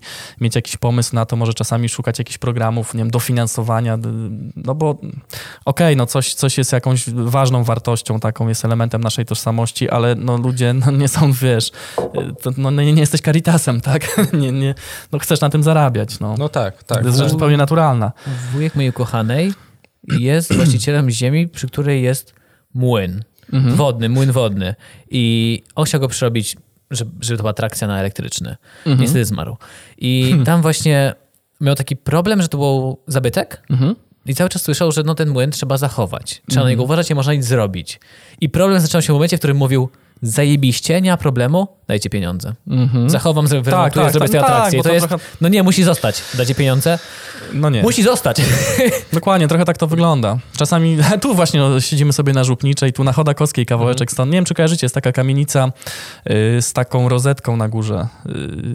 Y, bardzo charakterystyczna kamienica, za Mińską zaraz. Jakbyście Chodakowską sobie tak jechali prosto. Po lewej? przekra- po lewej. Taka duża... Taki belwederek tam jest. Ona jest tak cofnięta od Pierzei ulicy i taki belwederek na górze tam jest. Ona jest tam chyba odgrodzona bramą, że Tak. za- zamknięta jest. Tak, w sensie tak, nie tak. z niej tak, mniej. tak, tak. To jest kamienica Leona Doleja. To jest kamienica z 1914 roku, z tym, że to, co tam dobudowano, tą rozetkę, to jest troszeczkę młodsze, bo to powstało w latach 20. Tam mieszkała kadra fabryki Pocisk. To taka fabryka, która produkowała amunicję i mieściła się tam, gdzie teraz znajduje się Soho Factory, na pewno kojarzycie. Mhm. Zresztą to, te zabudowanie to jest pozostałość po dawnej fabryce Pocisk, jeszcze starszej tam fabryce jutowej, nieważne, nie będziemy wchodzić teraz w szczegóły. W każdym razie tam mamy taki przykład gościa, który został obdarowany w taki sposób, że ta kamienica w okresie okupacji została zakupiona przez rodzinę Rachmielowskich. Potem ta rodzina została wywłaszczona, bo przyszły dekrety Bieruta, zabrano im tą kamienicę, stała się taką normalną komunałką. Po 89 roku e, spadkobiercy zaczęli się, mm, zaczęli walczyć o tą kamienicę, ale te procesy tam były długotrwałe, wiadomo jak to u nas wygląda e, w sądzie i w momencie, kiedy odzyskali tę kamienicę, ona była już w takim stanie, że nie dało się z tą kamienicą nic tak naprawdę zrobić. I był taki śmieszny moment, kiedy właściciel tej kamienicy nie mógł znaleźć żadnego, on teraz znalazł już jakiegoś tam nabywcę, ale był taki moment, kiedy nie mógł znaleźć żadnego nabywcy, zamieszkał w tej kamienicy i był jedynym mieszkańcem tej zrujnowanej kamienicy i tam właśnie na górze miał balkonik z tą rozetką. Coś niesamowitego. Na kamionku, no prawie, że tam w centrum miasta jesteś właścicielem kamienicy i sobie w niej mieszkasz. Y, Jakaś nawet audycja była chyba w RDC y, na ten temat, kiedyś sobie wysłuchałem, także no to jest właśnie, to jest właśnie ten problem. Nie? Mhm. To jest właśnie ten problem, że... Czemu się zmarnować, nie? To tak, tak, Ale teraz tak się stoi śmieję, i co, no? Oczywiście, to, tak, No, tak się E, śmieję, że... Tam będzie inwestycja i ona ma być podobno zachowana. E, W sensie będzie jakoś przebudowana, przerobiona, pewnie, nie wiem, przestrzeń biurowa się pojawi, ale jakby ten trzon, ten element charakterystyczny tej kamienicy ma być zachowany, chociaż jest duży problem, bo tam podobno są spore już kwestie konstrukcyjne, tak? Konstrukcja jest na tyle naruszona, ściany są na tyle y, popękane, że też nie wiadomo, czy to się uda No, jakoś. Taniej zrobić Ogarnąć. zdjęcia i zbudować od początku. To na pewno. No, To z pewnością. Eee, To jest na Foxalu, jak od- Przykład Foxalu, właśnie Mm, miałem ze pytać zdjęć. się, ponieważ uważam, że bardzo No tam otworzono ładnie, fasadę, nie? Ze, ze zdjęć. Z jednego zdjęcia. Tak, tak. z Tylko jednego zdjęcia. zdjęcia. Tak. Więc naprawdę To bardzo... jest, to jest prawda. No i tam jeszcze w środku jest ta panoramiczna winda. Jeszcze tego nie widziałem, bo to ta pierwsza panoramiczna Ładnie, winda w tak. Warszawie. Jakoś nie miałem jeszcze okazji tam. Widzieliście to? E, nie? A, okej, to rozumiem, dobra, no nie wnikamy. ja nie widziałem. Okej, okej. No tak, ale naprawdę bardzo ładnie to otworzyli, ponieważ no, no, niedawno tam byłem. E, robi wrażenie. Mhm. Robi, robi Mają rozmach skurwysyny. Mają, żebyś wiedział. Tak, E, plus te atlasy, które podtrzymują przy wejściu e, balkon. Naprawdę ładnie i to było tak, że chyba... Nie, tam ni- o, to zostało, o, zostało otworzone, ostatnio się pytałem właśnie. Zostało otworzone. No robi wrażenie, naprawdę. Nie, no to wszystko ze zdjęcia było robione, cała ta fasada. I to tylko Zresztą inaczej wyglądało przed przebudową zupełnie. No. E, To moje takie pytanie, e, już dobra, nie będę wypytał się o do, dokładnie o budynki, Aha. to możesz podać top 3 budynków, które kompletnie tobie się nie podobają? Nie podobają w Nie podobają. Chciałbyś je omijać. Bo ja Ale chodzi o nowe budynki, jakieś to, co się teraz dzieje? to, tak? co kompletnie się nie komponuje i w ogóle jest dla ciebie... Bo ja znalazłem, zrobiłem taki Strzałem w mały kolano, research no. e, i moim zdaniem to jest Hotel Sobieski na Placu O, Zawiszy. tak, podpisuję się. Tak. No, No. tak, tak. E, On wygląda jak e, Fashion House. Tak, kolorowy. Dokładnie. Fashion House piasecznie. Idealnie. Designer Podpisu- outlet. No teraz. ma, tak, tak, tam zrobili taką pseudo-starówkę, Tak, tak, tak, to taki tak. był zamysł. A to, wszystko jest praktycznie karton na fasadzie tak, i to jest tylko oczywiście, hala. Tak? malowane. Oczywiście. E, Plus drugie, to przejrzałem kilka jakby takich yy, odliczeń, y, top, top 10 tych Wyprzedzę, wyprzedzę twoją myśl. Plac Zamkowy pewnie, senatorska, ten budynek. yy, Nie, nie, nie, A, było, okej, czegoś, nie było czegoś A, okej, takiego, ale była na przykład siedziba TVP na Woronicza. No to też bym podał, oczywiście, że tak. Nie, no ta wiesz, ta rolka jakaś taka filmowa, nie wiadomo co to jest, tak, nie, nie podoba mi się. Tak, nie, nie, tak. to, A to właśnie, to, przy... to miało przypominać to miało przypominać filmową. taką taśmę filmową. Dziękuję wiesz, bardzo, No widzisz, Rafał. jakby, Dziękuję. No, to jest... A na, naprawdę? Naprawdę, dopiero jak masz, jakby znasz zamysł architekta, zaczynasz patrzeć inaczej na tą architekturę. Jeszcze gorsze to się wydaje, bo jest nie wyszło. I kolejne, już wiem jak To się jest- jest- kiedy, pierwszą, kiedy tajemnicę rozwikłałeś. To Teraz jest to jest, troszkę... To właśnie to jest to uczucie. To ja miałem to samo Wow. uczucie, kiedy wyczytałem, że Stadion Narodowy to, miałby, to miało być gniazdo orła piastowskiego. To tak się zacząłem zastanawiać. Stąd te takie, takie elementy jakby pseudowiklinowe i tak dalej. Tak, Takie, tak. Tam jest takie, taka żurowa Mhm. konstrukcja. Zgadza się. Y, To też podobno taki był y, y, zamysł, ale to się zgadzam, na pewno. Na pewno jeśli chodzi o Hotel Sobieski, nienawidzę, nienawidzę, nie, strasznie mi się nie podoba. Mm, Na pewno, na pewno też nie lubię właśnie tego budynku, który niedawno powstał przy Placu Zamkowym. Tak jak już Senatorska już się kończy, mamy Plac Zamkowy, to tam na takiej pustej działce przez lata niezabudowanej Mhm. y, stanął mm, taki budynek, który był mocno krytykowany. Nawet mówiono o tym, że on miał być, y, że przez to miała być starówka wykreślona z listy Światowego Dziedzictwa UNESCO. Tam przesadzali troszeczkę Aha. oczywiście, ale no, no nie jest ładny, nie pasuje, nie pasuje zupełnie do, do zabudowy. Już tam człowiek się przyzwyczaił, ale no stoisz na tym placu zamkowym, oprowadzasz wycieczki i no cholera jasna, jednak to się jakoś tam gryzie. Mhm. Nienawidziłem Stadionu Narodowego, powiem wam szczerze. Jak, jak stadion powstał, jak go zobaczyłem, to przez długi czas strasznie mnie irytował. Mm, I, I dlaczego zmieniłeś, zmieniłeś zdanie? nie wiem, tak? chyba przyfykłem. Ja nie wiem, czy do pewnych rzeczy po prostu człowiek się nie przyzwyczaja i już Kurde, stają się budynek- elementem. O którym mówisz, trochę był ten budynek, gdzie mówiłem, że musieli zachować fasadę, ale oni tylko Nie, zachowali... nie, nie, oni go w ogóle, wiesz co, zrobili, to jest zupełnie nowy budynek, niewiele ma wspólnego tak naprawdę ze stanem historycznym, bo po wojnie ta działka była niezagospodarowana, tam przed wojną była zabudowa, ale po wojnie A, okej, na dobra. zupełnie pustej działce to powstało i on jest taki dość nowoczesny i ma taki za bardzo strzelisty dach w stosunku do reszty zabudowy i macie taką sytuację, że macie przepiękną taką fasadę Jona, to jest ta kamienica, w której przy ziemiu znajdują się schody ruchome na Starym Mieście. Ona jest naprawdę bardzo ładna. Kojarzycie, nie? Ta kamienica, co się schodami Mhm. zjeżdża na dół na trasę WZ. Też zresztą ciekawa historia, bo te schody to jest prezent od Związku Radzieckiego i, i myśmy po wojnie odbudowali kamienicę i się okazało, że schody, które są prezentem, nie zmieszczą się w tej kamienicy, mimo że w pierwotnych planach miały się zmieścić i trzeba było zbudowaną już kamienicę y, rozebrać, poszerzyć o 80 centymetrów i znowu ją zbudować. Także to jest, są takie warszawskie ciekawostki. E, W każdym razie no to no nie, nie koresponduje to ze sobą. Ten nowy budynek i ta kamienica Jona. Bo on, to... on ma ten problem, że on próbuje udawać. I On- udaje ja, źle. Ja nie wiem, co on w ogóle... Nie, nie wiem tak naprawdę. Mogli po prostu on jak już coś innego, dowalnąć coś innego i koniec, a nie No to udawać. jest, to jest słabe. Tam było dużo kontrowersji związanych ze zgodą na budowę i tak dalej. To już nie chcę wchodzić, bo tak jak mówię, o polityce nie lubię rozmawiać, ale... Mhm. Ale, ale no, nie jest to jakaś super y, architektura. Coś A tak na więcej? pewno w każdej dzielnicy coś, Coś się znajdzie. coś by się znalazło, tylko to trzeba by tak, było ja natrafiłem dłużej. właśnie ten hotel Sobieski, namioty na e, placu Narutowicza. E, Tam naprzeciwko Alcatrasu jest, jest ta pętla i tam jest ten jeden... Ten ta grzybek, pizzeria, ten- grzybku Taki taki. grzybek tam mhm. jest. E, No i zakład pogrzebowy też przepiękny, tam jest zaraz obok kościoła też. On też ma taką do, dosyć taką no, kontrowersyjną architekturę, biorąc pod uwagę okolice. To nawet na... Też taki bunkier. Czarny kot, nie? To jest No, O Boże, tak, była zapomniałem tak, czarnym świętej pamięci. Ej, w ogóle Tak. po rozbiórce masz takie, to nie jest ten budynek. To jest w ogóle nie ten tak, budynek. zupełnie inna bajka. Ale chociaż on już w sobie miał coś takiego Miał. fajnego. Ja lubiłem wycieczką pokazywać To tego się- czarnego kota. To był taki... On już tak wrósł w ogóle w, w tą tak jak panoramę takie, Warszawy, takie że... Lego, tylko że dokupujesz dziecku Tak, Lego, tak. dzie- dziecko stworzyło sobie jedną rzecz i dokupiłeś kolejne Lego. Taka i- wieża Babel. A co gdyby doczepił jeszcze jedno na to? A co jeszcze, jeszcze jedno? Tak, I jeszcze tak, jedno, tak, i jeszcze tak, jedno. I nagle się to rozrosło. I to Strasznie się bez- rozrosło i bez to jeszcze w takim kiczowatym klimacie. Nie? Jak jeszcze nie tak. wiedziałem w ogóle, że to właśnie jest samowolka, tak patrzyłem, to miałem takie... Co za nienormalny człowiek zaprojektował ten chory budynek, a później czytam, a, okej. No właśnie. No więc tak, no na pewno, na pewno by się znalazły jeszcze takie przykłady. Y, Tak ja na szybko Jeszcze jedną znalazłem. No, Mów, mów, mów, to ja No. ci zaraz pokażę, bo zastanawiam się, wiesz, czy jest coś takiego, co mnie strasznie wkurza jeszcze z tych budynków y, takich bardziej współczesnych. Nie, no w tej chwili mi chyba nic do głowy nie przychodzi.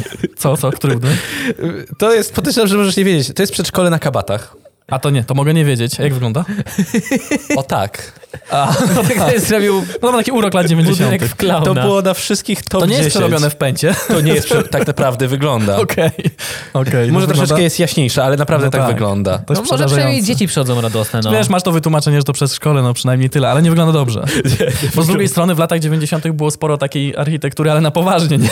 Więc jakby wiecie o co chodzi.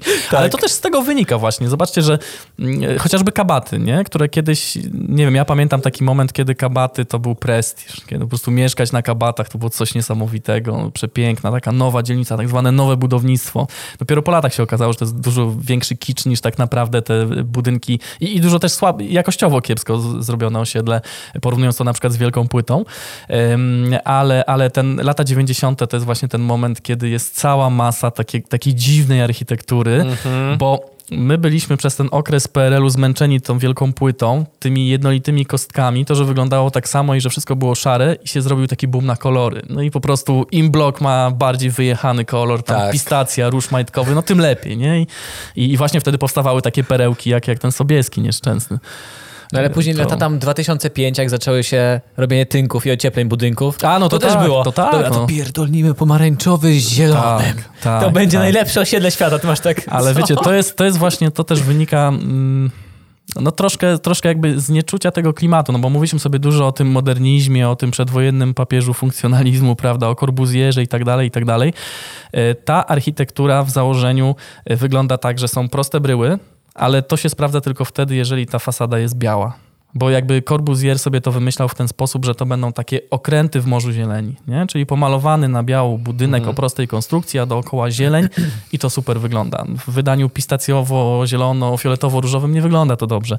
I to widać, zobaczcie jak macie taki, taką właśnie prostą bryłę budynku, taką prostą kamienicę i ją pomalujecie na biały, no może taki kremowy, może taki ecri, może taki szarawy kolor, to to naprawdę świeżo i fantastycznie wygląda i, i nie trzeba kombinować, wystarczy. Mm -hmm. Naprawdę, to się sprawdza. Tylko sięgnąć do źródeł, bo ktoś to kiedyś, jak gdyby ktoś się zastanowił nad tym, nie? To, to, to o to chodzi. No. E, dobrze, to możemy, zmierzamy powoli do końca, prawda? Dobra, ja mam jeszcze jedno pytanie. Masz jeszcze, dobrze, to zadaj ważne. ty, bo ja też mam bardzo ważne pytanie, mm -hmm. więc y, zadaj swoje. To właśnie... Y... Aż się poprawię. Czekaj. No, tu widzę, że Wyciągając do ostatecznej rundy pytań. Wyciągając taką turnieju. No. wiedzę, bez pójść na twoją wycieczkę, no. wyciągając wiedzę, na, którą tam reklamujesz o wycieczce, no. o szmulowiźnie. Mhm. Masz tam jedno hasło. Jak upić dzielnicę w kilka minut? I potrzebuję odpowiedzi Potrzebujesz recepty, tak? tak. Potrzebujemy okay. takiego dobrego weekendu po prostu okay. i Krzysiek y, okay. planuje taki najlepszy weekend. To już wam tłumaczę. To jest fajna bardzo historia. E, taka na poły prawdziwa, na poły legendarna, trochę prawda, trochę gówno prawda, ale fajna. E, fajna historia to jest rzecz, która się wydarzyła w... To dotyczy fabryki wódki e, na Szmulowiźnie. Koneser, mówiliśmy sobie o nim, to jest fabryka wódki, która pojawiła się na Pradze pod koniec XIX wieku. E, pojawiła się tam i bardzo szybko powstała, cały ten teren bardzo szybko został y, zbudowany i ona w carskich czasach produkowała gigantyczne ilości alkoholu, tego spirytusu tam naprawdę y, y, produkowano ogromne ilości, milion wiader spirytusu, to robi wrażenie. I jak wybuchła pierwsza wojna światowa, w 1915 roku, czyli jak gdyby już nowy rok po wybuchu tej wojny, latem te fronty się zmieniały, wchodziło tutaj do Warszawy wojsko niemieckie, Rosjanie po tych 123 latach w końcu się z tej Warszawy wycofywali. No i ponieważ Rosjanie jak gdyby administrowali tą fabryką, to oni wpadli na taki szaleńczy pomysł, że w magazynach są ogromne ilości spirytusu. I no nie możemy tego wrogowi tak po prostu zostawić, bo to jest za duży prezent. I wpadli na pomysł, żeby całą tą zawartość magazynów wylać na Ząbkowską. No i Ząbkowską, która wtedy była brukowana tymi rynsztokami, popłynął taki właśnie potok życiodajny tej przezroczystej cieczy. No i mieszkańcy Szmulowizny nie wytrzymali tego psychicznie, prawda? Oni jak zobaczyli ten potok, a to było naprawdę gigantyczne ilości, to oni się rzucili na, na tej ulicy Ząbkowskiej, e, zaczęli, e, no jak ktoś cierpliwość miał, to, to pobiegł do domu tam po miednicę, przelał do wanny, zostawił sobie gdzieś na później, wiadomo. No ale były takie osoby, które nie miały tej żelazowej woli, jak mówią niektórzy. I po prostu się rzucili na tą ulicę Ząbkowską i pili bezpośrednio z rynsztoka. Więc sobie wyobraźcie, święto Ząbkowskiej w takim wydaniu hardcore, party hard, piją wszyscy bezpośrednio z tego rynsztoka i w ciągu dosłownie kilkunastu minut wszyscy są kompletnie, ale to kompletnie e, pijani. To taki chyba najpiękniejszy czas, jeśli chodzi o szmulowiznę. E, zwłaszcza to zawsze podkreślam, że ten taki walor y, dotyczący y, jakby walki z tą traumą wojenną, prawda? No bo wchodzą nowe mhm. wojska, sytuacja dramatyczna, to jest impreza, oni się tym nie przejmują zupełnie. No, zaczynają z Rosjanami, budzą się jak już są Niemcy, wszystko fajnie. Więc taka przepiękna historia, zresztą w koneserze tych historii jest cała masa i tu mogę właśnie polecić wycieczki ogórkowe. Ja mam nadzieję, że one wrócą wreszcie, bo wycieczka po Pradze to jest między innymi też teren konesera. Wycieczka y, taka nasza już, można powiedzieć, no, kultowa, staram się nie, nie, nie nadużywać tego słowa, ale mój pomysł, mogę, dobra, niech tak będzie, kto bogatemu zabroni. E, To jest wycieczka szlakiem legendarnych knajp PRL-u. To taki fajny pomysł, bo opowiadamy sobie anegdotki dotyczące życia w PRL-u. Takie historie typu Lorneta i Meduza. Wiecie, co to była Lorneta i Meduza? Czy nie kojarzycie? Nie. Woda i zimne nóżki. Dokładnie tak. Aha, Dwa okej. kieliszki wódki, galaretka wieprzowa. Był jeszcze inwalida. To też jest bardzo ważna informacja. Inwalida to jest inwalida albo kaleka. Spirytus. Przychodziło się do knajpy. Nie, nie, zamawiałeś inwalidę, y, dostawałeś tatara. No, Tatar z racji jednego jajka był nazywany właśnie inwalidą albo kaleką, jakby wszystko było jasne. I takie właśnie historie troszkę żenujące, troszkę takie, no pod wódeczkę. Wiecie, ta wycieczka jest trochę inna, bo jakby wycieczka praska Staram się to fajnie opowiadać i w taki zabawny sposób i, i przyswajalny. E, Natomiast y, no, to jest jednak historyczna wycieczka, natomiast wycieczka ta wieczorna, do tej pory przynajmniej jak ona jeździła szlakiem legendarnych knajp ona była dostosowana do, no jakby nie patrzeć, klimatu tych ludzi, którzy byli w Ogórku, bo pomysł jest taki, że sobie jedziemy Ogórkiem, zatrzymujemy się, szocik, zagrycha, jedziemy Ogórkiem, szocik, zagrycha i opowiadamy te różne rzeczy. W Muzeum Polskiej Wódki mieliśmy degustację e, polskiej wódki, gdzie można się było czegoś ciekawego też dowiedzieć, e, więc trzeba to było dostosować, bo no jednak jak człowiek sobie tam tych parę kielonków wpuści, to tak, no nie chce mu się słuchać tam o czasach stanisławowskich, prawda, czy jakichś takich historycznych opowieści, ale tam już jakąś anegdotę o Janku Himilsbachu, tam tego jest cała masa, to już chętnie. I to jest właśnie taki zbiór fajnych historii, anegdot, takich pod nóżkę. Działa troszkę na zasadzie wesela, nie? Disco polo nie słuchamy, walniemy sobie połówkę, a tam może jednak tam spróbuję, spróbuję, zatańczę. prawda, to nie? prawda. Wiecie, jak to działa. No właśnie. Ale bardzo fajna wycieczka, no i też, nie wiem, że merytorycznie, merytorycznie ciekawe. No i chcieliśmy ruszyć z tymi mrocznymi historiami, bo tu też mógłbym bez końca opowiadać te historie doty dotyczące doliniarzy, pajęczarzy, Schopenfeldziarzy, tego świata przestępczego. Niesamowicie ciekawe są to rzeczy, Em, ale to nam nie wypaliło. Mam nadzieję, że wrócimy. Jak tylko dostaniemy zielone światło, nie wiem, Mhm. jakieś przydałyby się właśnie, to apel, przydałyby się jakieś dla branży turystycznej konkretne wytyczne, czym my w ogóle możemy, kiedy. Przydałoby się. Fajnie by było. Musicie wrócić, bo mnie zachęciłeś. No to ja zapraszam, wycieczki są naprawdę Ale na tą lornetę i meduzę, tak? Ta, nie, no słuchaj, nie, na kalekę, na ja, kalekę. ja wam powiem tak, jak ktoś już zacznie, bo no, fakt, jest, działa taki mechanizm, że mamy dwie wycieczki, zawsze się z tego śmieję. Do tej pory mieliśmy dwie wycieczki, czyli wycieczkę po Pradze i elementem tej wycieczki była wizyta w pijalni Wedla i się dostawało gorącą czekoladę, no i druga wycieczka szlakiem legendarnych knajp PRL-u. Ta druga była, jakby częściej się ludzie na niej pojawiali, no bo jak stoisz przed wyborem pojechać z rodziną, wypić czekoladę, a pojechać ze znajomymi, napić się wódki, no jednak wybierasz tą drugą opcję, nie? Ale jest taki też mechanizm, że ci, którzy byli u nas na wycieczce knajpianej, to potem przychodzili też na te kolejne wycieczki, bo też często robiliśmy wycieczki takie tematyczne przy różnych okazjach, typu, że tam, nie wiem, urodziny naszego projektu były, to zrobiliśmy wycieczkę na przykład szlakiem cukierni warszawskich, czy, czy jakąś taką międzywojenną, czy PRL-owską, no staramy się tam od czasu do czasu coś takiego fajnego, tematycznego y, wrzucić. Natomiast jeżdżą wycieczki cykliczne, no i to te właśnie już takie hiciory, czyli Praga, czyli PRL, no i mam nadzieję tam roczna, bo to jest mega ciekawy temat, wiecie, klimat Kercelaka, taty Tasiemki, takiego gangstera, który przed wojną y, trząsł Kercelakiem i tam był odpowiedzialny za haracze i tak dalej, no to jest, to jest miliony fajnych To biorąc opowieści. pod uwagę popularność podcastów True Crime Stories, powinno być to popularne. Ja taką mam nadzieję. to po to było To przygotowane. Bardzo ludzi to interesuje. bo to, o tym to się jest- świetnie słucha. Tak. Ja zawsze mówię, że y, taką właśnie wartością fajną w, w tym pomyśle jest to, że y, wiesz, jak opowiadasz historie przestępcze, które się wydarzyły wczoraj, to jest tak troszeczkę krzywo, nie? Jak minie 5 lat, to już się można pośmiać, 10, 20, tam z WTC już można troszkę pożartować. Jak mówisz o XIX wieku jest pełen chill, nie? Bo jakby no, to, że komuś ktoś łeb upierdzielił tam w XIX wieku, to, to nie ma stresu, tak?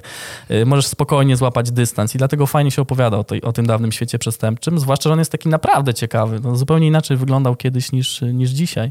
Wiesz, Szpicbrudka, legendarny kasiarz, który robił napady na banki i tak dalej, i tak dalej.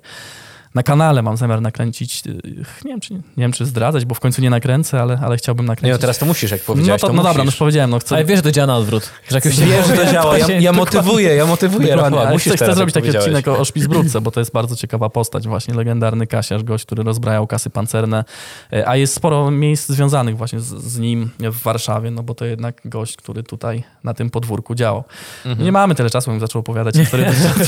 No już tak Dobrze, to ostatnie, to ostatnie pytanie Godzina ode mnie. 40. No Najbardziej właśnie. niedoceniana atrakcja Warszawy.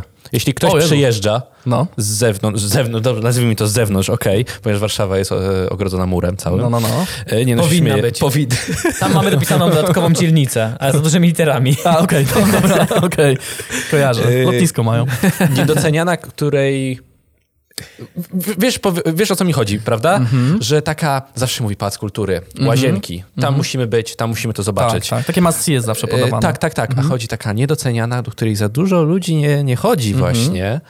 I Kurde, to jest trudne było- na mnie pytanie, bo tego jest dużo tak naprawdę, wiesz, takich to miejsc. nawet jedna przynajmniej, a potem... Ja, ja bym poszedł w kierunku tej Pragi generalnie. Tej Pragi, tak. No, Praga, Praga jest, chociaż to się też zmienia.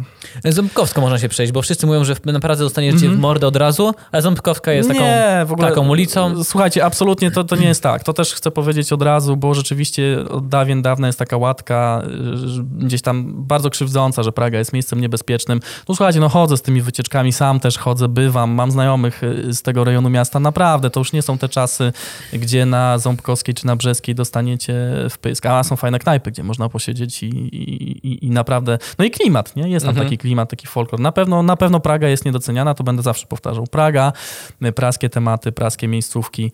Y, Niektóre takie mm, rzeczy naprawdę, y, które robią niezwykłe wrażenie. Mówiliście o tych takich odkryciach, nie? które tam kiedyś mnie zmroziły. No to przypomniało mi się, jak teraz już troszkę się o tym mówi, ale, ale wtedy jeszcze mówiło się niewiele, jak taka koleżanka Ania Straszyńska, którą pozdrawiam znowu. Y, Ona się bardzo interesuje kwestią mm, podziemia warszawskiego i kwestią tych zbrodni komunistycznych. I ona mnie zaprowadziła do takiego budynku na ulicy Strzeleckiej 8, gdzie, gdzie był areszt i gdzie, wiecie, w latach 40. katowali ludzi. I potem w tym budynku normalnie sobie ludzie mieszkali, mieli piwnice, a w tych piwnicach właśnie wcześniej były areszty.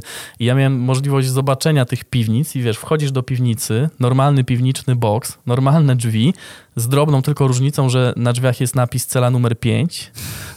Było jeszcze? Tak, na, no, na Okej. większości tych, tych boksów. Wchodzisz do środka i, i nie wiem, bierzesz ogórki kiszone, a na cegle masz jakąś modlitwę y, z datą y, zapisaną, gdzieś tam ktoś szkiełkiem, Mhm. drutem, paznokciem sobie wypisał.